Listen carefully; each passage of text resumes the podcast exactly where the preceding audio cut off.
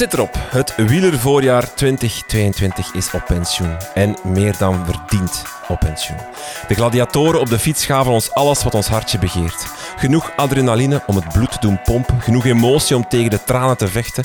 Ongeloof om de mond te doen openvallen. En dramatiek om bij weg te kwijnen. We stonden op de banken voor Kopecky, vloekten over de val van Lampaard, keken genoegzaam bij de demarrage van Van Baarle en verloren tien jaar van ons leven op de 30 kilometer van Remco. Ach, wat gaan we het missen. De kasseien, de heuvels, de cotes en de bergjes. De lekke banden en gebroken wielen. Van solo's tot duo's tot een sprint à deux met vier, de massaspurten en de stervende zwanen. Het wielervoorjaar 2022 zit erop. Maar hey, nog 306 dagen tot de omloop. Welkom bij Gangmaker, mijn naam is Renke van Hoek en naast mij zit Dries Pauwels.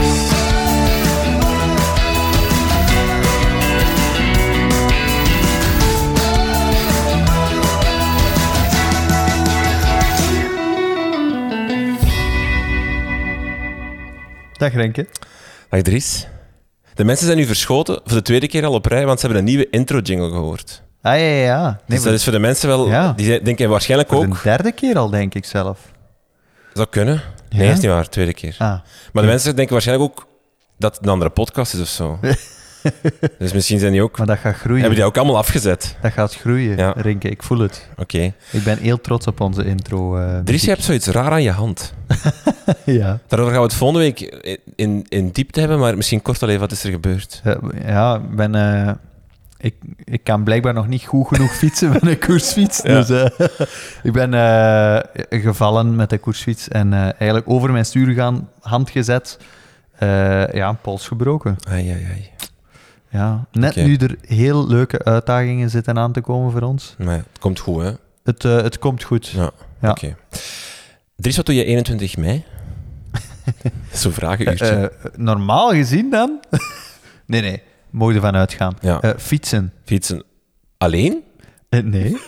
Dit is echt heel slecht theater. Met jou? Met mij? Jij ook? Ja, maar alleen wij twee. Nee, dat Dus denk we ik de niet. deurencomedie aan het worden. Straks komt er iemand binnen. Nee, eh, dan is het onze social ride natuurlijk. Ja, fantastisch. De mensen kunnen altijd inschrijven, gratis en voor niets, op onze social ride. 21 Yes. mei om 10 uur in Beveren vertrekken. Sponsoring, of allee, dus de, de partners zijn Sana's voor eh, de geldjes en al die dingen. eh, Thrive voor het herstel achteraf. We vertrekken vanaf Angaar in Ja. Beveren. Dat is een, een super toffe coworking, maar Pedalaar zit daar ook. Dat is een fietsblog en zo. En onderweg koffie van Manuvel. Yep. Ongelooflijk toch? Vergeten En we? ja, Velusta, Ja. Velusta gaat ook nog verrassingjes uitdelen. Velusta, Kijk. de beschermende fietskledij. Ongelooflijk. Voilà. Schrijf u nu gratis in op Ja. onze website. Hè? Voilà, ja. Ik onderbreken. Ik neem Nee, eigenlijk de woorden uit Dat de mond. Ja, de call to action is belangrijk. Ja, kijk, voilà. Ehm Dries, we gaan het hebben over het wielervoorjaar 2022. Ja. Eh, om te bewijzen dat we toch wielerkenners zijn, hebben we meegedaan aan de Sporza Wielermanager. Ehm, oh, ik heb niet gekeken. Je bent zestiende geworden, Dries. Van de... Ja, 30, dus niet zo heel goed ik eigenlijk, heb- ik heb de laatste- slecht. Ja, ik heb het de laatste drie weken echt opgegeven. Ja, ik, ik, ik niet en ik ben vijftiende geworden, dus dat is misschien nog niet zo goed. Maar eh, dat is wel belangrijk, want we zijn ehm, bier aan het drinken. Het grote probleem is dat we niet weten welk bier het is. Nee. Ehm, dat heeft te maken met het feit dat we bi- bier aan het drinken zijn van Beer in a Box. De Nederlandse bier, Organisatie. bierorganisatie, biercollecte. Nee, ja, die maken bierboxes hè, die je kan bestellen voor Vaderdag en van die dingen. Hè. Superleuk. Maar die hebben ook een eh, craft beer challenge. Ja. En dan krijg je eigenlijk een doos opgestuurd met daarin acht bieren of zes bieren. En je weet niet wat ze zijn. En je moet dan proeven en daar van alle vraagjes rond beantwoorden. We hebben dat spel hier al eens gespeeld in een legendarische Surplus aflevering. Ehm, en we hadden dus, we hebben nog zo'n doos over, die staat daar. En die ging naar onze winnaar van de Sporza Wielermanager Grote Gangmaker eh, competitie. En dat is geworden, we zullen de top drie doen, hè. Op drie, de veerzitters van Daan Plateau. En die wint? Niets. Nee. Ja. Op twee, Fietska van Tom Verdonk. En die wint? Ook niets. Niks. Maar op één, met ja, echt toch 80 punten of zo verschil. De flat tires van Steve Verdonk. Dus het kan wel zijn dat Tom Verdonk ook iets krijgt, want dat lijkt me familie. Maar dus Steve Verdonk, proficiat, jij wint een Craft Beer Challenge box. Eh, die komt naar je toe. Eh, stuur ons even een DM. eh slide in onze DM's om te zeggen waar je woont. En dan zorgen we dat het bij jou geraakt. Absoluut. Proficiat. Voilà, proficiat eh, Steve. Nu, goed, we hebben al bewezen dat we niets van wielrennen kennen, allebei. Dus daarom hebben we, om het over het wielervoorjaar te hebben, versterking gevraagd, gezocht en gekregen. Eh, we hebben dat gevonden in de persoon van Benji Naassen. Dag Benji. Dank u wel, bedankt om eh, mij te inviteren. En eh, het is leuk om hier bij jullie te zijn. Ja. Ik heb al een paar keer naar de podcast geluisterd. Sinds die mailtje dat ik gekregen heb. Dat is de ideale aanleiding om te beginnen luisteren. Perfect, hè? dat is mond-aan-mond reclame door uzelf. We hebben ook al gedacht om alle mensen te e-mailen, om, om, maar ja, dat is ook wat veel werk. Benji, ehm, jij bent ehm, cycling content creator, staat er op, jou, eh, op jouw Twitter, denk ik, maar vooral ook co-host van de Lantern Rouge Cycling Podcast, een eh, grote Engelstalige, ja, globale, mondiale podcast over wielrennen. Normaal zijn in het Engels, vandaag in het Nederlands. Spannend, hè? Spa- Voor jou wel. Zeker. Ehm, als mensen jou niet kennen, is dat ook wat je zegt als ze, ze vragen wat doe jij in het leven? Ik begin altijd met het hele verhaal van begin uit te leggen. En meestal tegen dat ik op het punt kom, zij zal weggelopen. Maar eh, het is eigenlijk, ja, ik vind het moeilijk om uit te leggen. Maar eh, ja, een online podcast over het wielrennen, over mannen- en vrouwenwielrennen van het hoogste niveau. Achter elke grote koers maken wij een recap-podcast waar we het in de tactieken duiken en praten over wie het goed gedaan heeft, wat er misgelopen is voor wie, et cetera, et cetera. Soms preview-podcasts dat we van vooraf eigenlijk zeggen van ja, oké, dat is het punt waar dat de wedstrijd kan openbreken. Die renners kunnen hier een, toffe wedstrijd neerleggen. Deze is de favoriet, bijvoorbeeld. Ja. Eh, een beetje in die richting. En soms komen er dan ook interviews. En eh, ja, ik kan de naam nog niet spoilen, maar er komt een, een redelijk grote renner eh, binnen een tweetal man op de podcast. Alright. Je gaat ook naar de start van de Giro, dat mag ik wel al zeggen. Ja, dat mag je wel al zeggen. Ehm, in eh, Hongarije is het doen, hè, deze keer. Dat is een mooie verplaatsing. Inderdaad, het is ook de eerste keer dat ik eh, zo ver ga sinds de start van COVID. Dus eh, dat is ook wel speciaal. Maar het is ook de eerste keer dat ik mijn co-host van die podcast in het echt, in het echt ga zien. Ja, want dat Oh. is een, een, een... Dat is geen Belg ook, hè, je, Nee. je, je co-host. Dat is... eh, Australiër. ja. En ehm, ja, die, die Australiër is dan uiteindelijk een jaar geleden tijdens de rustdag van de Giro, want tijdens de koersdag kon hij niet verhuizen. Hè. Tijdens de rustdag is hij eh, van Australië naar Andorra gevlogen om te verhuizen. en kon hij de volgende dag weer de podcast verder doen, de etappe later. Eh, dus dat, was- dat was een, een vreemde dag, maar sindsdien woont hij in de juiste tijdzone om het wielrennen te volgen. En Ik vind het trouwens echt een goed model ook voor ons, Dries. Welk? Dat we elkaar nooit niet zien.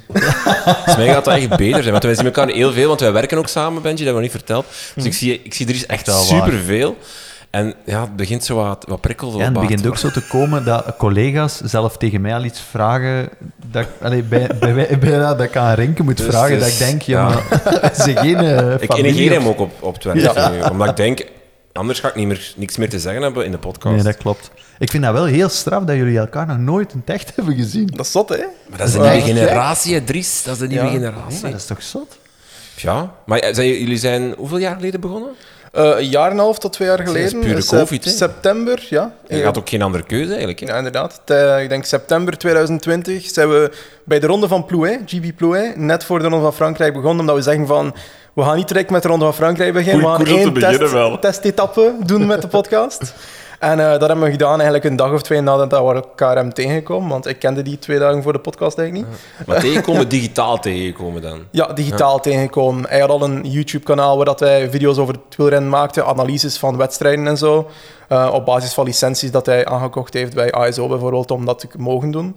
Eh, en ik maakte eigenlijk video's rond een, een cycling simulation game. Supergoed spel, Dries. Pro Cycling Manager. Ooit gespeeld? Ah, echt? Ja, ja, ja. Ja, hij zijn Ah, carrière met. Eola, Eolo Cometa. Fantastisch. Met, echt, met de ploeg van Contador. Ja? ja. Echt.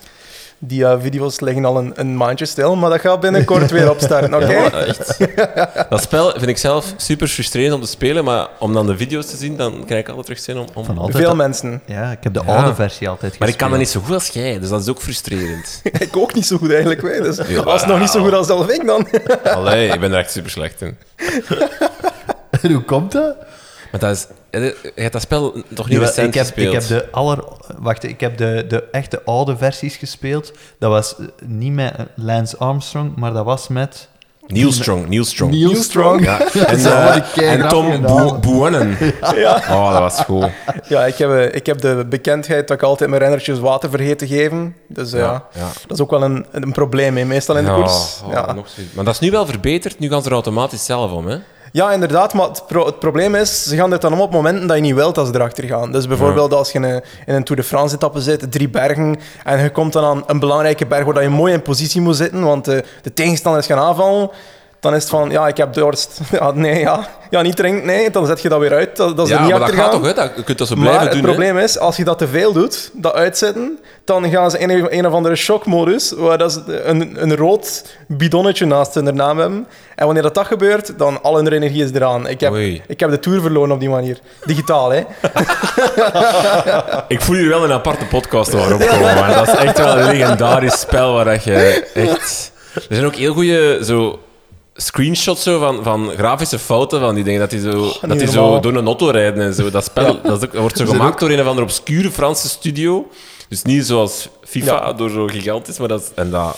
Het is eh, een raar systeem, want eh, dat was eigenlijk een development studio, Cyanide Studios.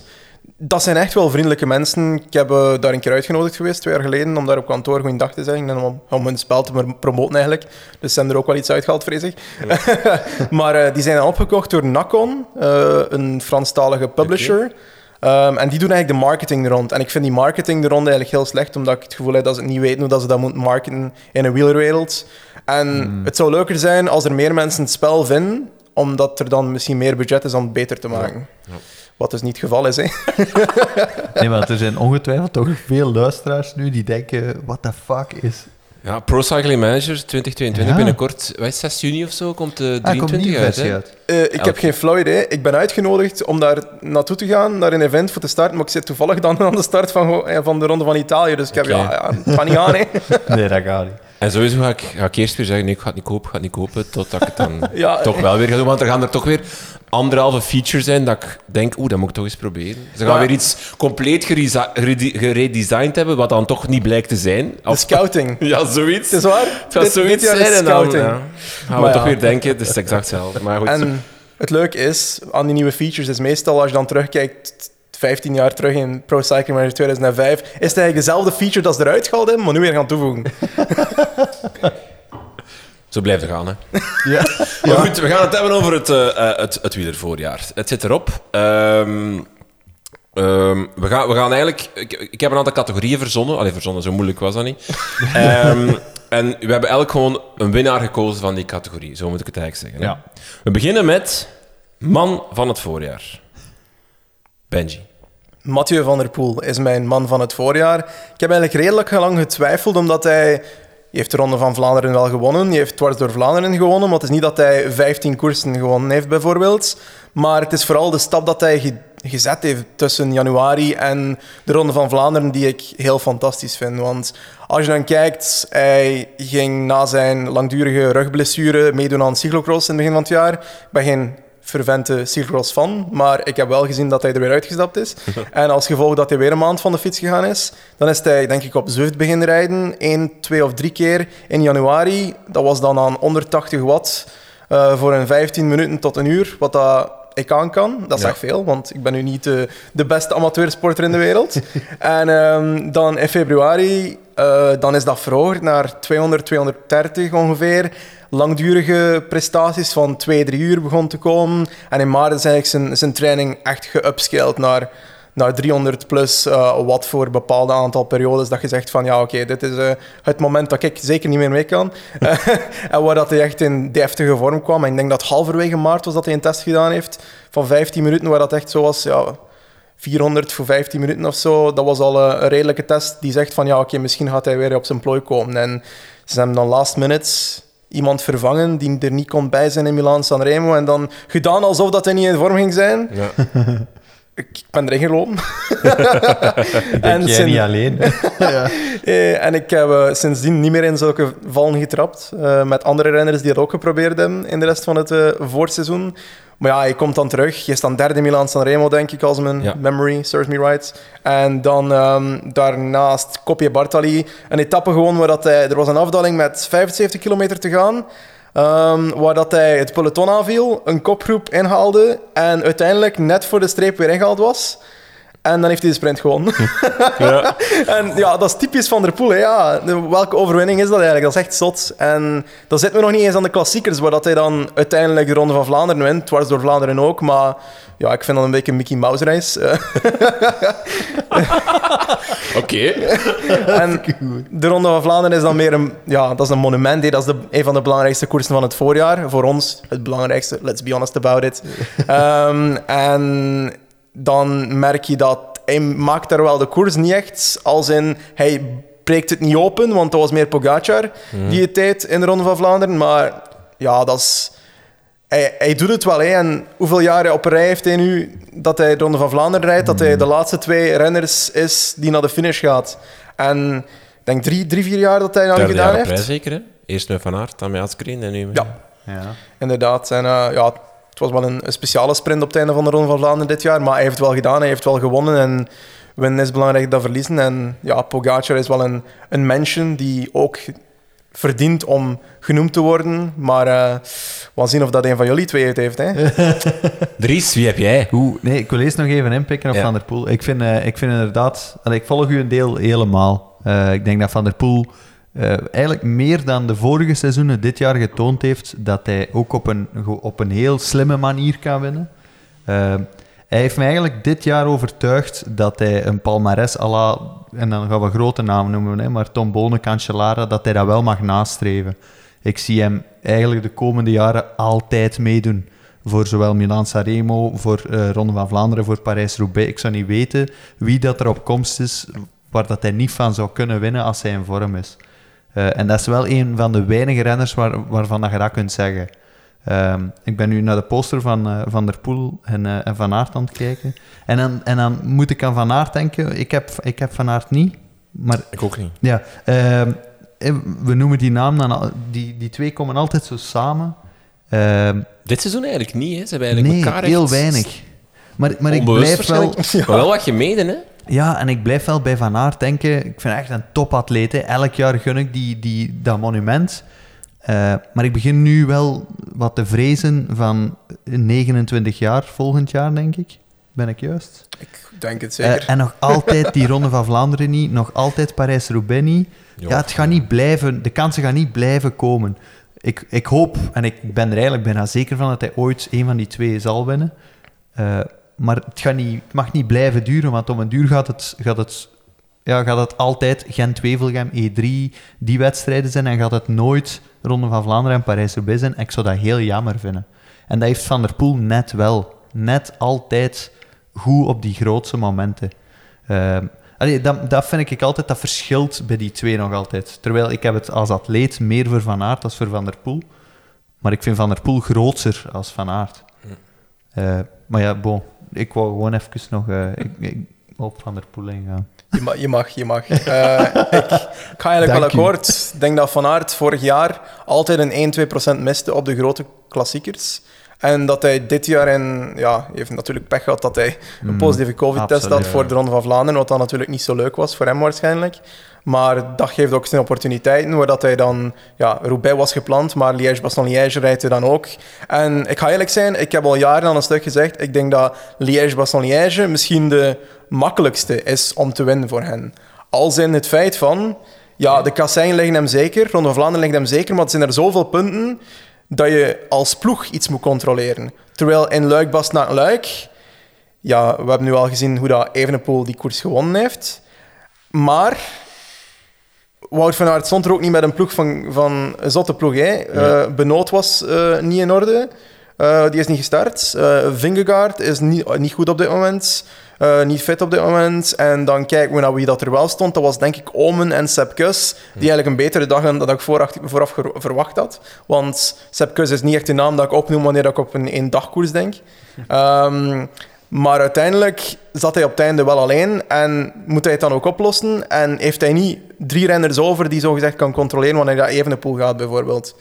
Ehm, maar als we naar de laatste vijf, zes jaar kijken, ik denk dat elke keer dat Liège-Bastogne-Liège gereden werd, buiten dit jaar, was beslissing op Roche Falcon de laatste klim. En als dat scenario gebeurt, kan hij Luik, Bastenaken, Luik wel winnen. Maar ja, dan verliest hij toch de sprint voor tweede. Dus ja, Quinten Hermans ging dan Luik, Bastenaken, Luik winnen. Dus dat ging ook iets speciaals zijn natuurlijk. Misschien Ja. moeten we er eh, even Dries zijn naam bijhalen. Dries, wie heb jij gekozen? Ik vind dat jij zo stil eh, ze- Maar ja, jij- uw Ja, ik- mening moet nog komen. Ik wil dat nog zeggen, ja, maar ik Nee, nee, dacht nee. omdat dat... Eh, ja, ik heb gekozen voor degene die tweede is geëindigd in de Ronde van Vlaanderen. hè, Tadej Pogacar. vierde geëindigd is in de Ronde van Vlaanderen. Oh, vierde. Amai, sorry. Amai, ja, dat zit zo in mijn hoofd. In die sprint. Sprint dat ja, met die, sprint die helemaal is fout gelopen. Ehm, nee, ik heb, eh, ik heb van Pogacar dingen gezien dit voorjaar die...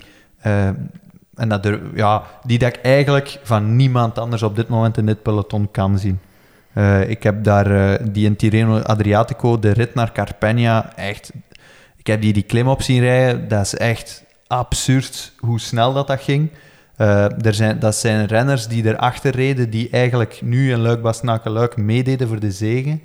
Eh, ja, die, die vernederde gewoon iedereen. En dat, was, dat, dat doet mij echt vrezen richting Tour de France, dat er niemand gaat zijn, als hij fit is en als hij fris is, eh, dat er niemand gaat zijn die die tegen gaat houden voor een derde Tourzege.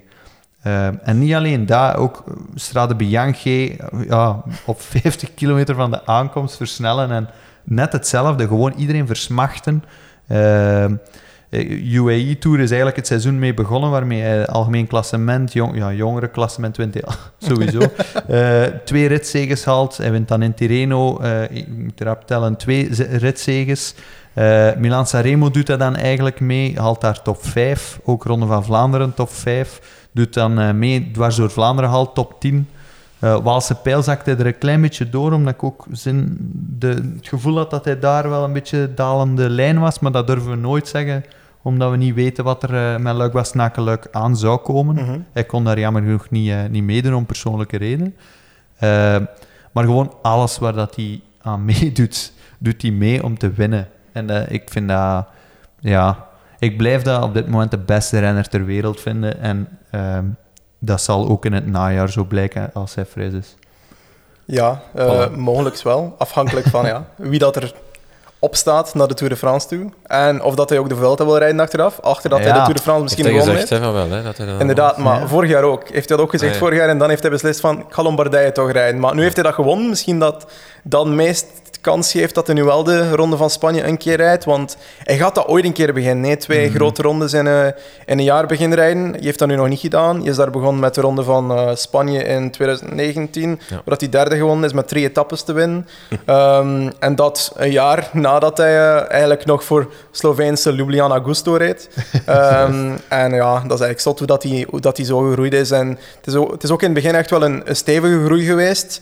Maar het is niet dat hij al zo uit het niets of zo kwam. Je zag nee. wel echt dat hij aankwam als je naar de jongeren keek. Um, in de Ronde van Slovenië, denk ik, in 2018 of 2017, waar dat hij met de beste mee kon bergop, dan zag je, ja, dat is, uh, dat is, iets, uh, dat is iets top. En dat was hij nog een beetje boven zijn uh, gewicht dat hij nodig had om echt topfit de, Tour of zo te rijden. er is al, ja, is vermagerd qua, ja, gewicht en als gevolg wordt het dan ook een betere klimmer en meer afgetrainde bij UAE. En ja, als we dan kijken naar de dingen dat hij dit jaar gedaan heeft, in de UAE-tour was hij eigenlijk niet zo zeker van zijn stuk. Mm. Uh, want hij is begonnen aan de UAE-tour, uh, hij was dicht bij Adam Yates in het klassement. Ik denk dat Adam Yates twee jaar geleden gewonnen heeft, Pogacar vorig jaar. Um, en als gevolg is dan een beetje rivaliteit. En Yates doet altijd heel goed op Jebel Hafid, uh, een van de steilere klim in UAE Tour. En ik was de avond ervoor eigenlijk aan, aan het zenden met Tadej over uh, wie dat hij als competitie zag en zo. En hij was een beetje bang van Adam Yates die, als hij op zijn pedaal staat. Want Adam Yates kan zo op zijn pedaal staan op een langere periode, een, een, minuut of een halve minuut. En dan is het echt lastig om hem te volgen op de stij, stijlste stukken van Jebel Hafid. En je ziet dan ook, als je naar die etappe kijkt, dat hij het daar ook wel lastig gekregen heeft. Die etappe, de, die de dag nadat ik dat bericht had had van hem. Ja, ik zag dat en ja, dat was echt zot. En... Ik heb eigenlijk niets meer gehoord dan dat je gezegd hebt dat je aan het WhatsAppen zet met Tadej Pogacar. Kunnen wij straks nummers uitwisselen? dus wacht, jij WhatsApp met Tadej Pogacar? WhatsApp niet, maar... of Messenger nee, of wat dan ook. Instagram. Nee. Instagram, maar... Lantern Rouge en, en dan zo. Nee, dat is personal. Maar ja. ik. Maar mij antwoordt hij nooit dat je die iets stuurt. Ja. Dat zal met gang maken. Maar is dat met Google Translate dat je dan iets in het Sloveens probeert te sturen? Want dat, dat kan er fout uitkomen. Wie, zie, wie zie jij dat hem van de Tour overwinning kan houden? Of zie je niemand? Ik denk dat de enige renner die remotely in zijn buurt kan komen, eh Primoz Roglic, is in echt topvorm.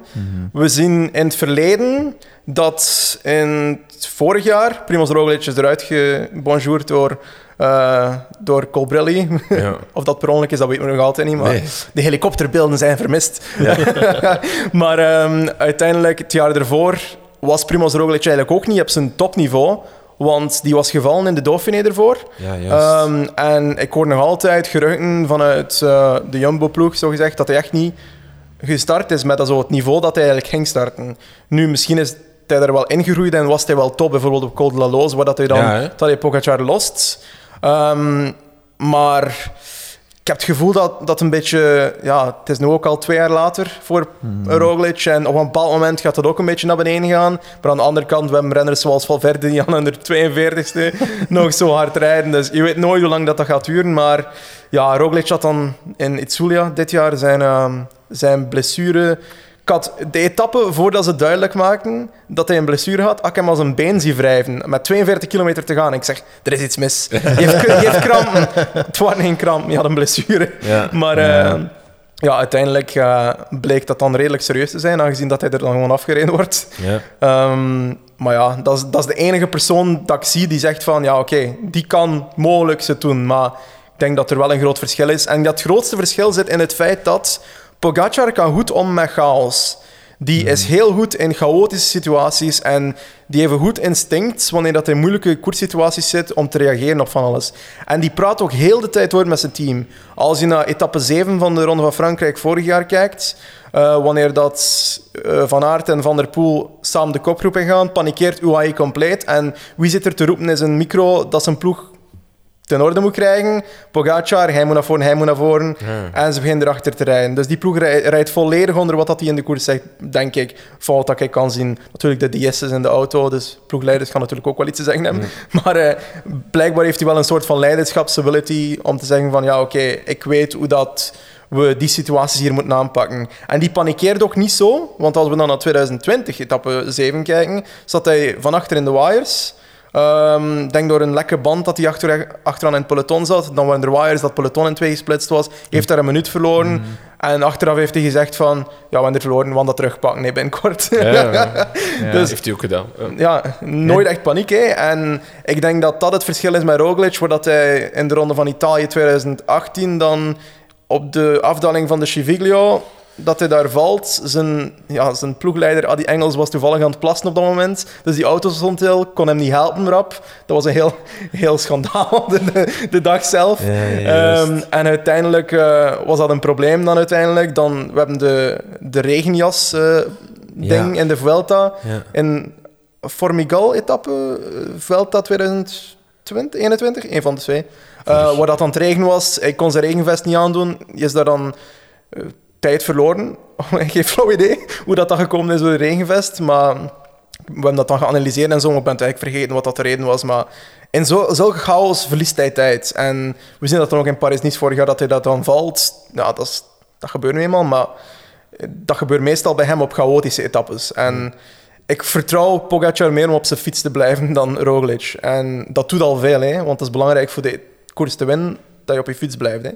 Zou het ook, zou het ook echt niet meespelen? Pogacar is iemand die eigenlijk al van kinds af aan Ja. met de fiets is, eh, rijdt. Hè? En, en hè, op dit moment zijn we vaak op zoek naar de mensen met de goede VO2 maxen en de goede cijfers. Mhm. Zelf in andere sporten zijn ze op zoek daar naar aan het gaan. Maar bij een Pogacar, ja, ik vind ook wel dat je dat ziet. Dat die, die is dat zo gewoon om in een peloton te rijden, op een Ja. fiets te rijden. Je ziet die heel weinig fouten maken. Ehm, Maar als je zo'n ding dan zegt, vergeet je dan niet dat, Roglic al twee keer of drie keer de Vuelta gewonnen heeft? Dat is waar, ja, maar ja, ja, maar het gaat hem dan, bij mij gaat het dan over de, die ene procent dat je tekort komt om die een Tour te winnen. Hè? Ik denk nog altijd, die een Tour in 2020, Mhm.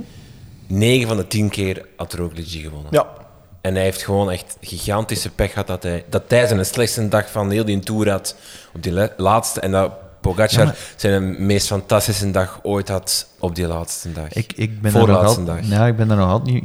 Als je... Ah, maar Zelf in de documentaire Code Geel... Ja, er is maar de dag ervoor moet hij lossen, hè, Pogacar, op de Col de la Loze, wat dat Benji Ja, net zegt. hij moet zelf- eraf, hè, op het steilste stuk. Dat is, dat is goed zijn of niet goed zijn. Hè. Dat is daar dat... Ja, maar hij verliest toch, daar een halve minuut, hè. Of, allee, zoiets. op die tijdrit rijdt Roglic in principe nog altijd een heel, heel goede tijdrit. Ja, hoeveel was Ook voor zijn eigen kunnen. Tiende of Het is gewoon die Pogacar die een ongelooflijk snelle tijdrit heeft afgelegd. Ja, ja, maar Roglic zit er ook ondermaat. Want anders, een Roglic in topvorm wordt niet... Die, die wint een tijdrit in de Tour op de, op de la- voorlaatste dag. Ik denk een combinatie van de twee. Ik denk dat Pogacar inderdaad een fantastische tijdrit heeft gedaan, dat niemand eigenlijk echt verwacht had. En dat Roglic een tijdrit was die misschien een 3%, 2% onder zijn ideale tijdrit is, waardoor dat, dat verschil natuurlijk groter lijkt. Maar dan zie je dat er renners waren die geen betere klimmer zijn dan Roglic. Een vijftal renners dat je zegt van, normaal gezien verslaan die Roglic niet op een Planche de Belfië klim die eigenlijk perfect voor hem is. Want Ja. Roglic eh, heeft eigenlijk ja, 15, 20 minuten eh, prestaties op steilere klim, 10%, 15%.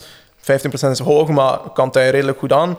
Ehm, ja, daar is hij echt top in, daar is hij wereldtop in. En ehm, Het zat gewoon niet goed die dag. Je zag het aan zijn helm, je zag het aan de, je zag het aan de fietswissel ook. Het liep gewoon allemaal mis. ja, Ja, En- maar dat is inderdaad wel weer hetgeen wat jij daarnet hebt gezegd, Benji. Die chaotische liep daarvoor ook al mis met Marijn Zeeman, die uit die Ja, koers ja. gezet werd. Er was zo'n verkramptheid op dat moment bij Jumbo, dat het inderdaad misliep.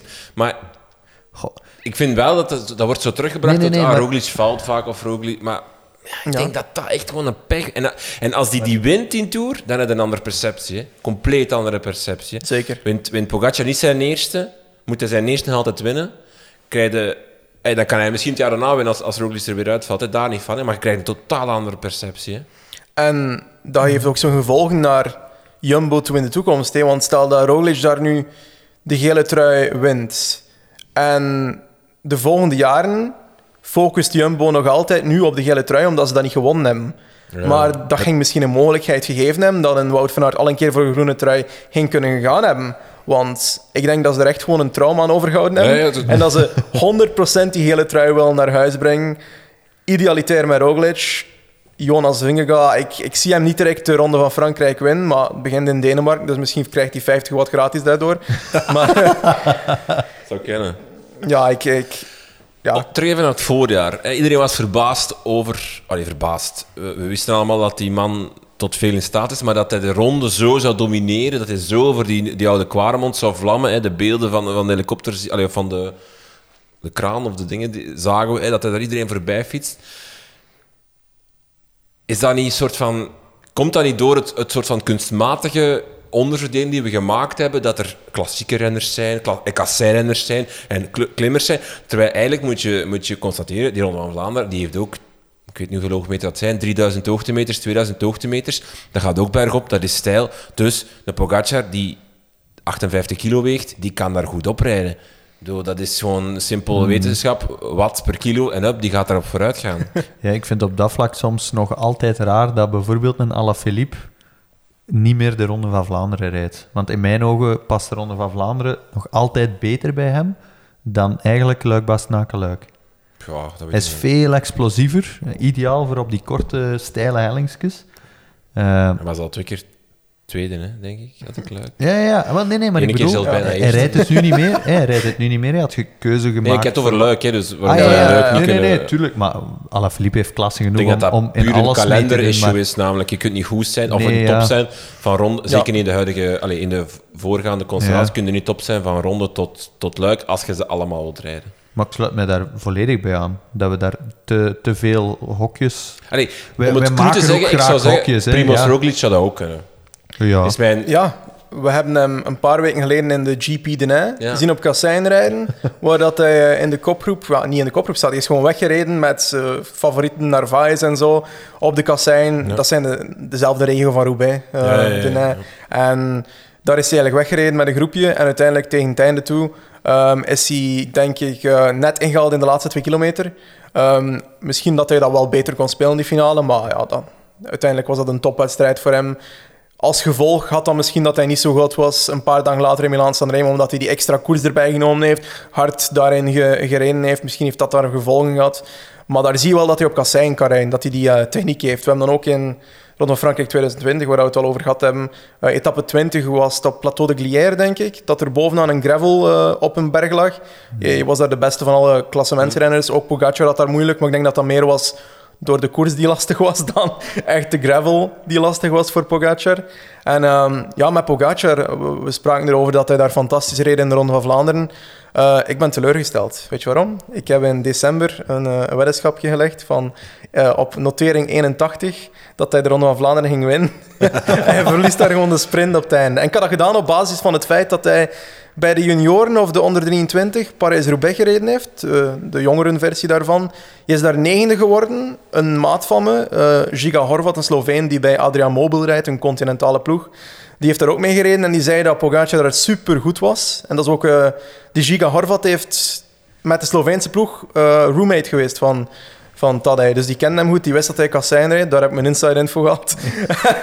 en eh, dan, hebben, dan heeft hij blijkbaar negende geworden met een lekke band. Dus voor hetzelfde geld dat hij daar derde of vierde geworden als Ja. hij dat niet had.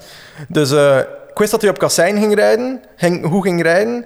Maar de enigste fear dat ik had, de enigste angst, was de positionering op klim. En dan zie je in Dwars door Vlaanderen dat hij daar net te ver zat, dat hij achter die val terechtkomt en dat hij daardoor niet mee is met de bende die weggaat voor de koers te winnen. En daar was ik eventjes van, oké, misschien als dat weer gebeurt in de Ronde van Vlaanderen, kan het probleem kosten. En misschien is dat de reden dat hij zo vroeg aangegaan is van de tweede oude Quaremont in de Ronde van Vlaanderen, omdat hij zegt van, ik wil niet meer zo ver zitten. Ja, denk het, misschien.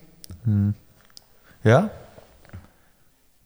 Ja, nee, nee. dus- maar ik vind het zo, het is zo iets dat we zo creëren. Maar dat komt uit een tijd van Armstrong. Hè. Armstrong die, Ja. die heeft dat echt gecreëerd, hè, zo het, het, het ronderennersfenomeen. En die reden niets anders dan een voorbereidingskoers op de grote ronde en dan die grote ronde. En daarna was het weer gedaan. En Tom Boon deed er eigenlijk in mee, want die reed die vijf voorjaarskoers. En daarna was het ook gedaan voor hem, meestal. Hè, want ja, nog de Ronde van Frankrijk, waar hij dan zo wat vloekend over de streep reed. Maar dat was, dat was het dan ook. Hè. Ik dat- Ja, maar daarna, najaar. Zo. Maar Ja, het blij- ik- het is, ik vind, er is wel een... een eh, je hebt toch een kentering nu dat er nu is toch veel meer, we rijden alles terug. Veel Nee, meer zoals maar vroeger. dat vind ik niet. Ah, ik vind dat wel. Als je kijkt naar Wout van Aert, dus alles à blok, en, allee, alles, rij- allee, alles waar dat, dat, is het, dat vind ik het interessante, is, is Tom Bonen, bijvoorbeeld, die reed al die voorjaarskoersen ook, maar die reed Mhm. er twee voluit. Dat was, allee, drie voluit. Dat was E3, Ronde en Roubaix. Gent-Wevelgem reed hij ook mee. Dat viel toen nog op woensdag tussen Ronde en Ja. Roubaix. Maar daar reed hij vaak niet voor de overwinning. Als hij toevallig nog bij de eerste reed in, eh, voor de spurt, dan deed hij mee. Maar hij heeft nooit dat blok gegaan. Scheldeprijs heeft Tom Boon nooit meegedaan. En terwijl nu heb je die Wout van Aert toen mee vanaf omloop tot Roubaix, bij wijze van spreken. En die rijdt alles voor te winnen. Die wil alles winnen. Die, rijdt die rijdt Tireno daartussen. Die rijdt Tireno verzot. Dat deed Tom Bonen ook nooit. Die reed Parijs-Nice misschien een keer meespurten, maar daarna zag ik hem Ja. ook niet meer. Ik vind dat je dat veel meer krijgt. Ja, wat ik me, wat ik me vooral afvraag is... ehm, bijvoorbeeld Lance Armstrong maakte die keuze gewoon puur omdat Tour, Tour het enige belangrijke was. Ehm, terwijl ehm, bijvoorbeeld... Ja, eh, er- ja, ik begrijp dat er een verandering is van mentaliteit, maar ik denk ehm, dat... eh, ja, ik, ik heb het gevoel dat ze niet meer, meer koersen rijden. Ze kiezen gewoon meer... Of ze, eh, bijvoorbeeld een Pogacar, als je kijkt naar hoe- hoe- hoeveel koersen dat hij eigenlijk gereden heeft, dan zijn dat er niet heel veel. Maar die kiest eigenlijk gewoon de kleppers eruit. En maar hij waar is dat wel vroeger... allemaal... Lance Armstrong Ja, ja, heeft ook ja. een keer Ronde van Vlaanderen Maar gereden. En dan kwam je- die gewoon een keer meerijden. Die reed dan zo... Omdat, omdat waarschijnlijk dan een kasseirit zat Ja. in de Tour. En dan reed hij mee. Het, het, het bekende beeld waar dan Tom Bonen zegt... Je moet in het gootje rijden, zo, dat de, met zijn handje uitsteekt. Maar die, die stapte wel af na 150 kilometer. Ja. Terwijl nu komen ze meerijden. Valverde... Poga- En ze rijden allemaal mee om, om te winnen. Het is, het is Maar wel ik vind, veel ik vind meer... het grote verschil met vroeger is dat... eh, Pogacar is er eigenlijk een heel goed voorbeeld van. Pogacar kiest eigenlijk gewoon de monumenten uit. En de belangrijke rittenkoersen. En eigenlijk al de rest Ja, maar- doet er niet toe. Want dwars door Vlaanderen, laten we heel eerlijk zijn, heeft hij gewoon gereden als voorbereiding op de Ja. ronde. Maar hij heeft daar wel ook aan blok gereden. Ja, ja, ja. hij zat te maar, ver, maar daarna gaat maar hij ja, nog in een de koers- avond. Het is niet dat hij dan zegt, ik blijf hier in de buik Maar van een de koers peloton van zitten. 200 kilometer kan hij... Allee, Ja, maar, dat, ja, maar dat voelde deden ze vroeger zondag. echt niet, hè. Nee, nee, maar ik bedoel, eh, ik bedoel bijvoorbeeld, een Tom Bonne had ook gewoon niet de luxe om eh, te zeggen, ik doe alleen de monumenten, en dan bedoel ik daarmee eh, Milan-Sanremo, Ronde van Vlaanderen, Parijs-Roubaix, en bijvoorbeeld Luik-Bastenaken-Luik, want dat was daar gewoon geen renner voor. Dat kon die helemaal niet. Ja, maar ja, maar je krijgt mee. Ik vind dat je, je komt van een periode van superspecialisatie. Ja, dat is waarbij waar. dat je, een renner bij wijze van spreken konden gewoon de drie koersen die hij ging rijden op 100% opschrijven. We gaan er nu naar veel meer diversificatie, is dat woord? Ja. Eh, Primoz Roglic is misschien nog een, een... Maar ook hij rijdt eigenlijk al... Hij, ik bedoel, hij rijdt ook luik. Hij weet luik gewoon. Dat deed Lance Armstrong bijvoorbeeld ook niet. Of Chris Froome eigenlijk ook Ja. niet. Hè. Je gaat nu veel meer toch... Ja, ik vind dat wel... En ik vind dat goed. Ik vind dat Ja, superleuk. ik want het zorgt ervoor leuk. dat, dat je een Strade Bianchi kunt rijden waarin dat je... Ja, wat een deelnemersveld. Of wat je een luik hebben met wat een deelnemersveld. Ik vind eh, het combinatie van de twee. Ik vind dat je gelijk hebt dat eh, het meer gediversifieerd is met de renners die het doen. Bijvoorbeeld Bernal reed ook Strade Bianchi eh, voordat hij zijn valpartij heeft gehad. Dan we hadden ook Pogacar inderdaad, Strade. Al de, alle renners beginnen meer te diversifiëren, maar ik ga ook akkoord met jou, Dries, met het feit dat de renners meer selectiever zijn met de aantal koersen dat ze nemen. Omdat je merkt dat sommige renners liever op altitude training gaan, Ja. op eh hoogtetraining. Ik weet niet wat dat is in het Nederlands, altitude. Ja, ja, ja. Hoogtestage. Hoogtestage. Ja, exactly. ja, dat is wel waar. Klopt, ja. en misschien zijn er een paar die dat echt leuker vinden of beter vinden, of dat dat beter is naar hun toe qua hun waardes dat ze achteraf kunnen voorzien. Of dat, ja, dat ze daar een persoonlijke preference voor hebben. En andere mensen doen dan liever voorbereidingskoersen, die dan liever de Ronde van Valenciana eerst rijden om te zien wat dat niveau is, om dan te weten wat dat ze moeten trainen tegenover de volgende koersen die komen. En het lijkt dat misschien dat de factor daar ook is dat ze weinig koersen doen, omdat ze niet willen uitvallen voordat ze aan een belangrijke koers komen. En zeker in een periode nu, waar dat er zoveel ziektes zijn in het peloton, ik denk dat er echt specifieke keuzes gemaakt zijn door ploegen. Deze koers gaan we niet rijden, want Caleb Ewan mag, moet de ronde van eh, Milano-Sanremo rijden. We zenden hem niet naar die koers, waar dat hij gevaar voor eh, ziekte kan hebben. En dan gaat hij die koers nemen waar dat hij minder gevaar heeft voor ziekte. En dan loopt hij toch wel. Toch ziek. maar- toch ziek. Nee, dat klopt wel. Minder koersdagen gaan ze wel hebben, denk ik. Maar je Ja. krijgt veel meer een... een ja.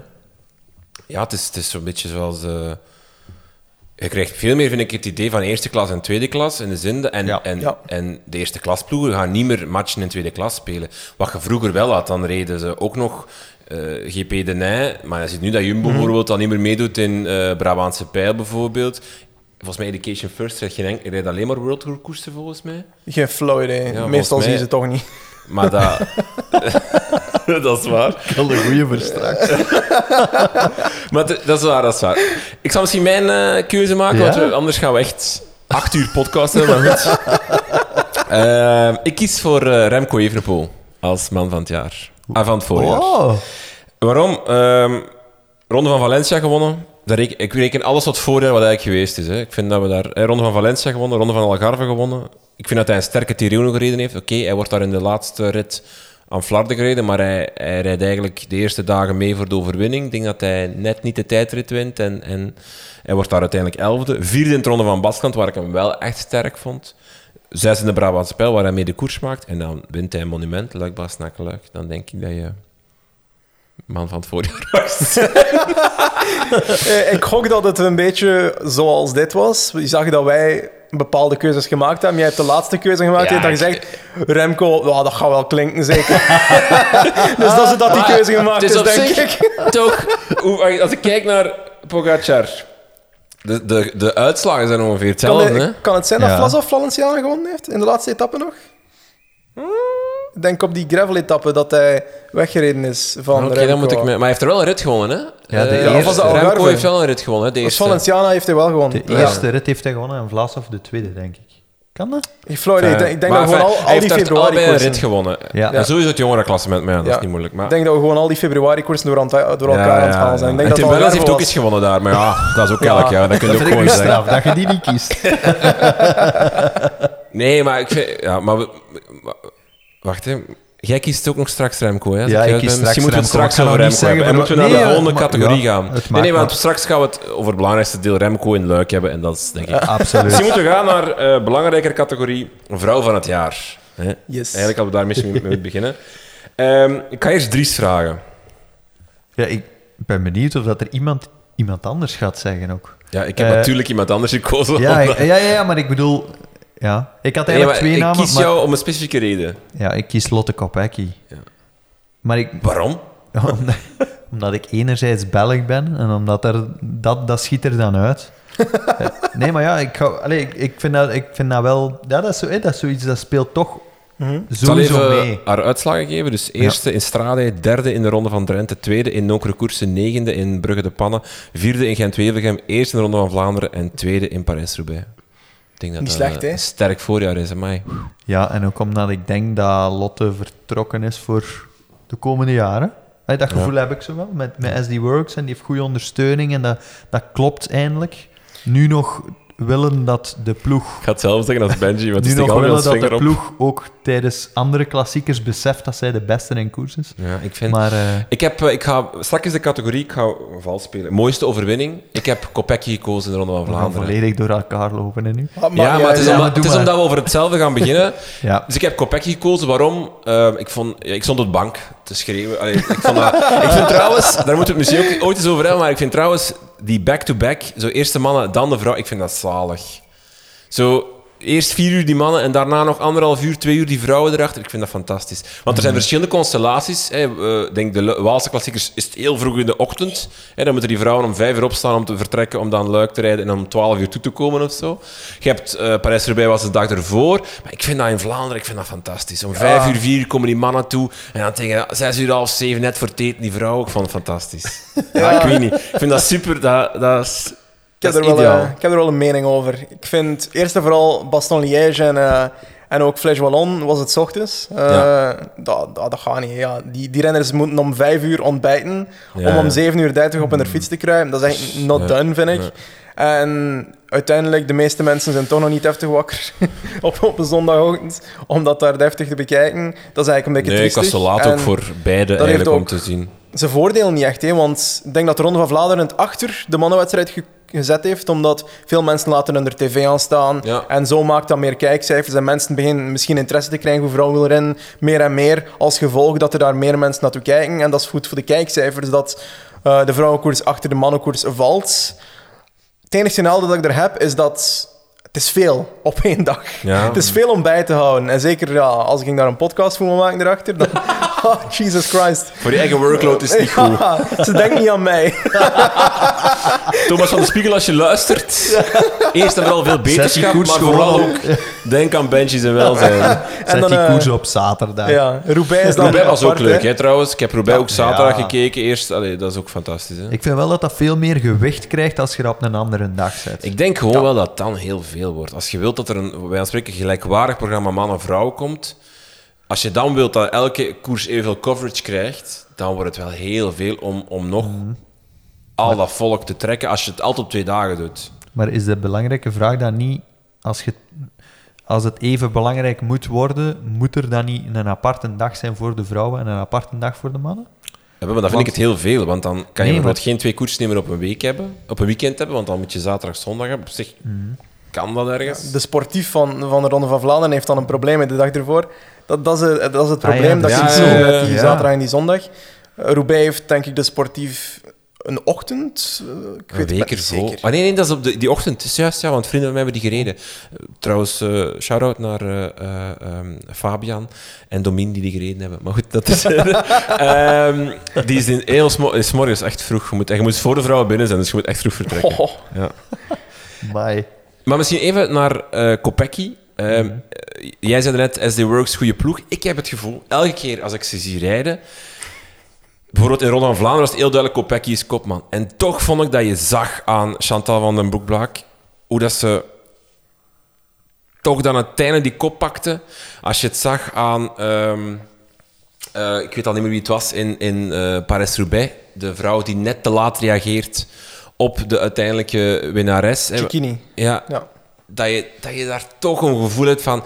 Eigenlijk is dat, zijn daar te veel kopmannen, te veel, te veel ja, je halen in een hen, kun je niet zeggen, maar te, te veel, te veel kopmannen samen. En, en gevoel dat, dat iedereen... Uiteindelijk rijdt er wel iemand voor een ander, maar het is nooit met volle goesting, heb ik het gevoel. En het is nooit vol een bak, heb ik het gevoel. We brengen het daar een beetje terug naar januari, waar we de transfers zien aankomen. We zien daar twee ploegen, Trek en SD Works, eigenlijk een gelijkaardige transfer doen. Kopecky naar SD Works, waar we het over hebben, en Balsamo naar Trek. Dat zijn niet dezelfde soort renners, maar ze hebben gelijkaardige zaken. Ze hebben alle twee een sprint, ze kunnen alle twee op kassein rijden, ze kunnen alle twee een relatief oké bergje over. Kopecky kan beter klimmen dan Balsamo. Ja. Kopecky kan volgens mij beter op kassein rijden dan Balsamo. We, we hebben het niet gezien, want ze is gedeclasseerd Ja. omdat ze aan een bidon hangde in Roubaix. Maar eh, daarnaast hebben we ook het feit dat ehm, uiteindelijk naar de sprint toe denk ik dat Balsamo beter is. Ik denk dat hij gewoon echt sneller is dan, dan Kopecky. Maar dat zijn heel gelijkaardige renners. En dat maakt ook dat elk van die twee ploegen een soort van defensieve renner in hun team heeft. Ze kunnen aanvallen met allemaal renners. Ze hebben altijd die backup sprint die in de elitegroep zit. Maar ik denk dat... Je hebt er toch geen Wolfpack gevoel bij, dat je bij Quickstep Nee, wel hebt. Hè? Bij Quickstep bij de wel heel hard dat gevoel van... Hier zit duidelijk... En, en allee, je moet altijd terugdenken aan de E3-prijs van vorig jaar, die Asgreen wint. Dat straalde zo hard uit. Van, vanaf dat die kopgroep daar was, met die twee of drie... Ik denk Stibar, Asgreen en Lampaard zaten daarin. Ja. Je wist gewoon, hier wint een- een Quickstepper. Welke? Dat, weet, dat zal afhangen van het lot, wie dat er uiteindelijk zal mogen rijden. Maar je wist, ik vond dat dat zo uitstraalde. Die mannen die wisten dat gewoon. En om de beurt gaan we aanvallen. Eerst, ik denk dat het Lampaard was, die wordt teruggepakt. En dan Asgreen valt, eh val, eh, valt aan en die is weg. Die valt niet. Eh, en bij SD Works en dat gevoel toch niet, vind ik. Zeker niet, want we kijken dan vooral naar Roubaix en ook Ronde van Vlaanderen eigenlijk. Bij de Ronde van Vlaanderen tussen de Oude Kwarman en de Paterberg zien we dat, ik denk, Royster in de kopgroep zit voor SD-Works.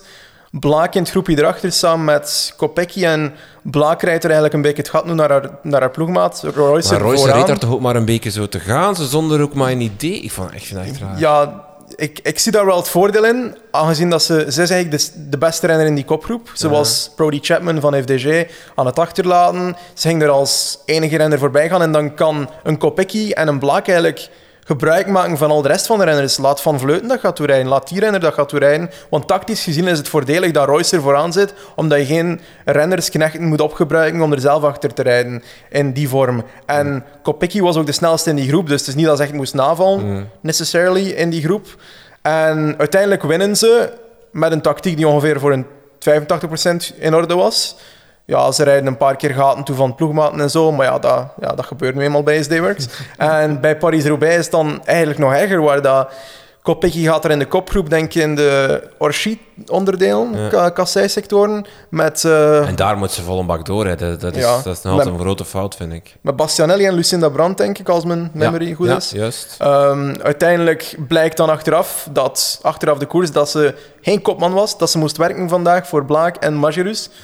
Sorry, maar als je de Ronde van Vlaanderen wint, Strade Bianchi wint, wat moet je nog allemaal was- doen? Uiteindelijk bleek het ook, vind ik, vond ik. Ja. Allee, bleek ook gewoon letterlijk, want ze was eerst, ze was tweede, dat ze de beste was van die ploeg. Ik denk dat het probleem is dat al die renners eigenlijk een beetje het gedacht hebben van oké, ik moet een beetje voor mijn eigen kansen gaan. Want we kijken bijvoorbeeld ook naar Luik, Bastenaken, Luik. Vollering en Molman, die twee offeren elkaar ook niet op voor de anderen. Molman die gaat op pensioen op het einde van het jaar, dus die wil waarschijnlijk nog iets bereiken. Niet het feit dat, ja, ik heb iemand aan de overwinning ge- geholpen. Dat is niet wat dat je bekend voor wil staan, Ja, lijkt ja. me. En dan Vollering is jong, die wil zelf begin winnen. Die gaan niet elkaar oh, zich opofferen voor Ja. de anderen. En we zien dat ook een beetje aan het feit van Amstel Gold Race, waar dat Molman ook niet echt direct ging rijden wanneer dat Cavalli aanvalt op de laatste Kouberg. En dan zie je dat, dat ja, ook al was het domestiek, de knecht voor, voor ehm, Vollering, was dat niet direct ze reageren en direct het gat Nee, bijvoorbeeld. En je merkt da- daar, Blaak is dan een, een ouder type die ook eh, naar het eind van haar carrière toe is, maar ze heeft nu een paar jaar bijgedaan, als ik goed... Ze ging stoppen met zijn mama wou Ja. worden, maar ze wilde uiteindelijk... Nee, en haar man had een burn-out gehad, als Ja. ik juist ben. Maar, ik moet, volgens mij, en, maar uiteindelijk gaat het beter en nu wil ze toch doordoen. En er is een regeling als ze Ja. toch eh, in verwachting zou zijn. Maar ik vond bijvoorbeeld, Blaak haar eerste antwoord was, na de Ronde van Vlaanderen, ik hoop dat Lotte dit terug doet voor mij in Roubaix. En dat bedoel ik, mij, je voelt heel hard... Er zit een heel hard voor wat hoort Ja. wat zingen en zo. Ik zal nu een keer werken, maar ik wil wel dat jij het dan voor mij doet. Ja. En, en je voelt daar gewoon te veel, te veel kopmannen. En dan... Maar Lotte zei dat ook na de. Ronde van Vlaanderen zelf. Dat vind ik ook al een maar probleem. dat, ja, maar je Ja, voelt maar- dat, maar- dat er sfeer daar is. Dat is daar Maar ik- allemaal zo ja, van- maar ik vind en- wel... Ik, ja, ik vind dat- dat een hele moeilijke. Want ik heb het gevoel dat Lotte eigenlijk die, die afspraak is gevolgd Ja, ja. na de ronde. En dan eigenlijk tijdens Roubaix gevoeld heeft... Ju, ik, misschien was ik wel de beste vandaag. En dan achteraf daar wel commentaar op heeft gehad. En dan denk ik wel... Ja, maar, Maar ja, als van de afspraken zijn gemaakt, moeten de afspraken respecteren. Zeker? Ja, voor, Blaak was het bijvoorbeeld ook niet slecht dat, dat Kopecky meereed met die drie bijvoorbeeld, Ja, met die twee. ik- ja, het is een moeilijk. Rij mee met Brandt en, en, Ja. eh, en eh, Majorus. Of, eh, nee, Bastianelli. Ja. Bastanelli. Ik bedoel, je Ah, dat is een tactische fout, lijkt me. die daarmee mee.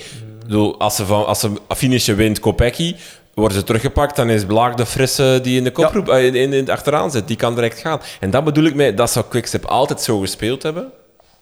Ja. Hey, dat zou, er zou, Lampaard zou daar zitten, ze rijden mee, rijden mee Lampaard kan die sprinten. 2019 in ehm Parijs-Roubaix. Eh, Gilbert zat in de aanval met Polit. Uiteindelijk eh, valt Sagan aan op Ochille Orchi in de groep erachter. Eh Lampaard blijft gewoon in zijn wiel zitten. Die wordt eigenlijk gewoon naar voren gebracht. Die zit in de spreekwoordelijke zetel. En die wordt terug naar voren gebracht. En uiteindelijk valt Gilbert dan nog een keer aan. Dus daar is het voordeel naar Lampaard niet gekomen. Maar uiteindelijk hebben ze wel het geprobeerd. Dus dat is een beetje wat dat SD-Works niet doet in dat principe. Ja, maar ja, ja. ik vind... Kan ja, het- ja. ga akkoord, punt. Kan het, kan het ook meespelen dat... Anna van der Breggen is daar nu ploegleidster. Dat, die, dat ze daar nog in moet groeien?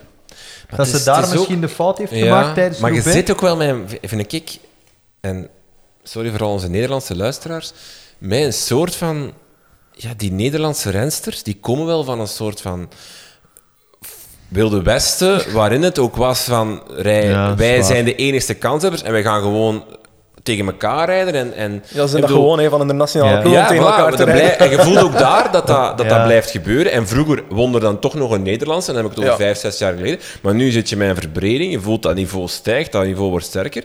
En je hebt Italiaanse renners nu, je hebt nu Kopecky die erbij komt. Je voelt wel van, het is niet meer zo gemakkelijk om... om Allee, je wint niet zomaar nog een koers in het vrouwenwielrennen. Nee, ik vind dat je dat ook ziet bij een, eh, bij een Annemiek van Vleuten, die eh, eigenlijk gewoon is om tempo te rijden en iedereen te versmachten. En dat lukt nu minder en minder. Hè. Het, Maar wel werkt- mijn vrouw van het, van het voorjaar, Oh, Rinke, Annemiek van nee. Vleuten. Ik, vind, ik zal even zeggen, ik ga eh, eh, eh, omloop het nieuwsblad wensen. Tweede in Strade Bianchi. Oké, 21 in Dwars voor Vlaanderen. Maar dan, tweede ronde van Vlaanderen, vierde Amstel Gold Race, tweede eh Waalse Pijl, eerste Luik, Bastenaken-Luik. Mm. Dat, zijn toch ook, dat zijn dezelfde cijfers als Kopecky, bij wijze van spreken. Absoluut. En, En ik vind het ongelooflijk hoe dat die...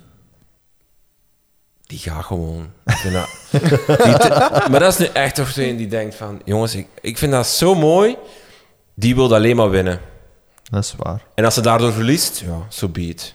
Maar, maar niet meerijden... Of, of, allee, of, of dan, dan rijdt ze niet meer mee. Maar, ik vind, maar zo, het gaat niet dichtrijden. En bijvoorbeeld, eh, ze zat, wanneer was het? Ja, in, in eh, Vlaanderen zat geweest zijn, hè, dat, dat, van, dat Van der Broek-Blaak gaat. En zij rijdt het gaat dicht met Kopecky naar wiel, of het was omgekeerd, met, met Ja, klopt. Zij rijdt het gaat dicht. Iedereen zou zeggen, waarom rijdt hij nu dat gat dicht? Maar ja, anders wint ze zeker niet. ja, Nu rijdt ze mee. En wie weet wint ze de sprint. Wie weet kan ze er zelf nog van wegrijden. Oké, dat, ging, dat, dat gebeurt nu niet. Maar goed, ik vind, ja, ik, ik, vind dat een fantastische vrouw. Ik vind dat ongelooflijk. en twee weken ervoor, eh, ik denk dat een week ervoor eigenlijk, Flash, voordat ze Liège-Bastogne-Liège won. eh aan Flash, ja, ze wordt daar tweede, uiteindelijk na Cavalli. Maar mm, daarna was direct de reactie op, op het internet, ja, is het gedaan met, met Van Vleuten? Ja, dat is, een, dat is zo'n typische reactie. Zo. Ze is tweede geworden in de Waalse pijl. En laat ons eerlijk zijn, de kracht van, van Vleuten is altijd de langdurige effort geweest. De, niet de punchy type die echt naar boven sprint, eh, zoals Marianne Vos deed op, een, op alle heuveltjes in het verleden. Ehm, die heeft zo'n langdurige aanval nodig om gaten te creëren. En je ziet dan dat dat niet lukt op een Waalse pijl Muur de Huy, omdat dat een kortere klim is van 900 meter, terwijl dat, dan wel lukt op de combinatie van Roche Falcon samen met Boncel en Liège-Bastogne-Liège, plus nog een keer aanval ervoor op La Redoute. Eh, je ziet dat ze de langere klim nodig heeft. En laat ons eerlijk zijn, ik zie niemand in het vrouwenpeloton op dit moment die ja, tegen een Van Vleuten in topniveau kans maakt om de Ronde van Frankrijk voor vrouwen te winnen. Ik heb het gevoel dat, die, waar. die presteert fantastisch in koersen die niet voor haar gemaakt zijn. Ja, ja. Toch? Die, die reist zo die om doet op toch het nieuwsblad en al die mee? dingen. En dan wordt ze, die wint dat dan. Maar eigenlijk is dat toch gewoon... Die moet, dat is een ronde renster. Ja. Toch? Ja, dat is waar. Maar dat is ook een beetje... toch- Nee, nee, maar ik bedoel, dat is waar. Maar ik denk dat dat ook een beetje het probleem is met vrouwwielrennen nog, dat er nog niet genoeg koersen zijn, waardoor dat die Nee, ook gewoon maar- alles meerijden. ja, maar ze hebben dan nu wel een probleempje. Eh, ik denk dat er sinds vorig jaar een... Ik denk dat er 50% of, of 30% meer koersen gekomen zijn. Waardoor dat er nu eigenlijk meer koersen zijn, meer koersdagen.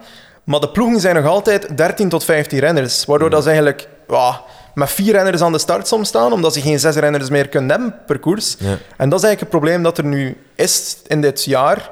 En ik heb gepraat met de manager van UnoX, Jens Gouwland. Eh, die hebben ook een vrouwenploeg gestart dit jaar. En die was daar duidelijk in, ja, dat is een probleem. Want ja, we hebben niet genoeg renners voor al de koersen dat we hebben. We gaan er halverwege het jaar al voor kijken, denk ik. Misschien voor stagiaires of zo, dat hij bedoelde. Geen mens die het weet. Eh, maar we hebben dan ook met Movistar manager gepraat. Eh, Sebastian Onzoe, de zoon van de, eh, de man die de mannenploeg ook doet. Ehm, en die was ook duidelijk dat dat een, een ja, dat het misschien soms te snel gaat bij de groei van de kalender.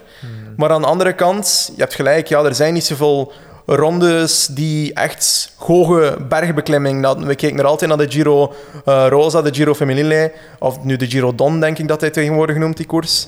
Eh, voor de hoge bergen te hebben. Burgos was vorig jaar Laguna Zenaya klim. Ehm, en dan de Ronde van Frankrijk dit jaar. Dat gaat echt, eh, dat gaat echt misschien de doorbreker zijn daarvoor.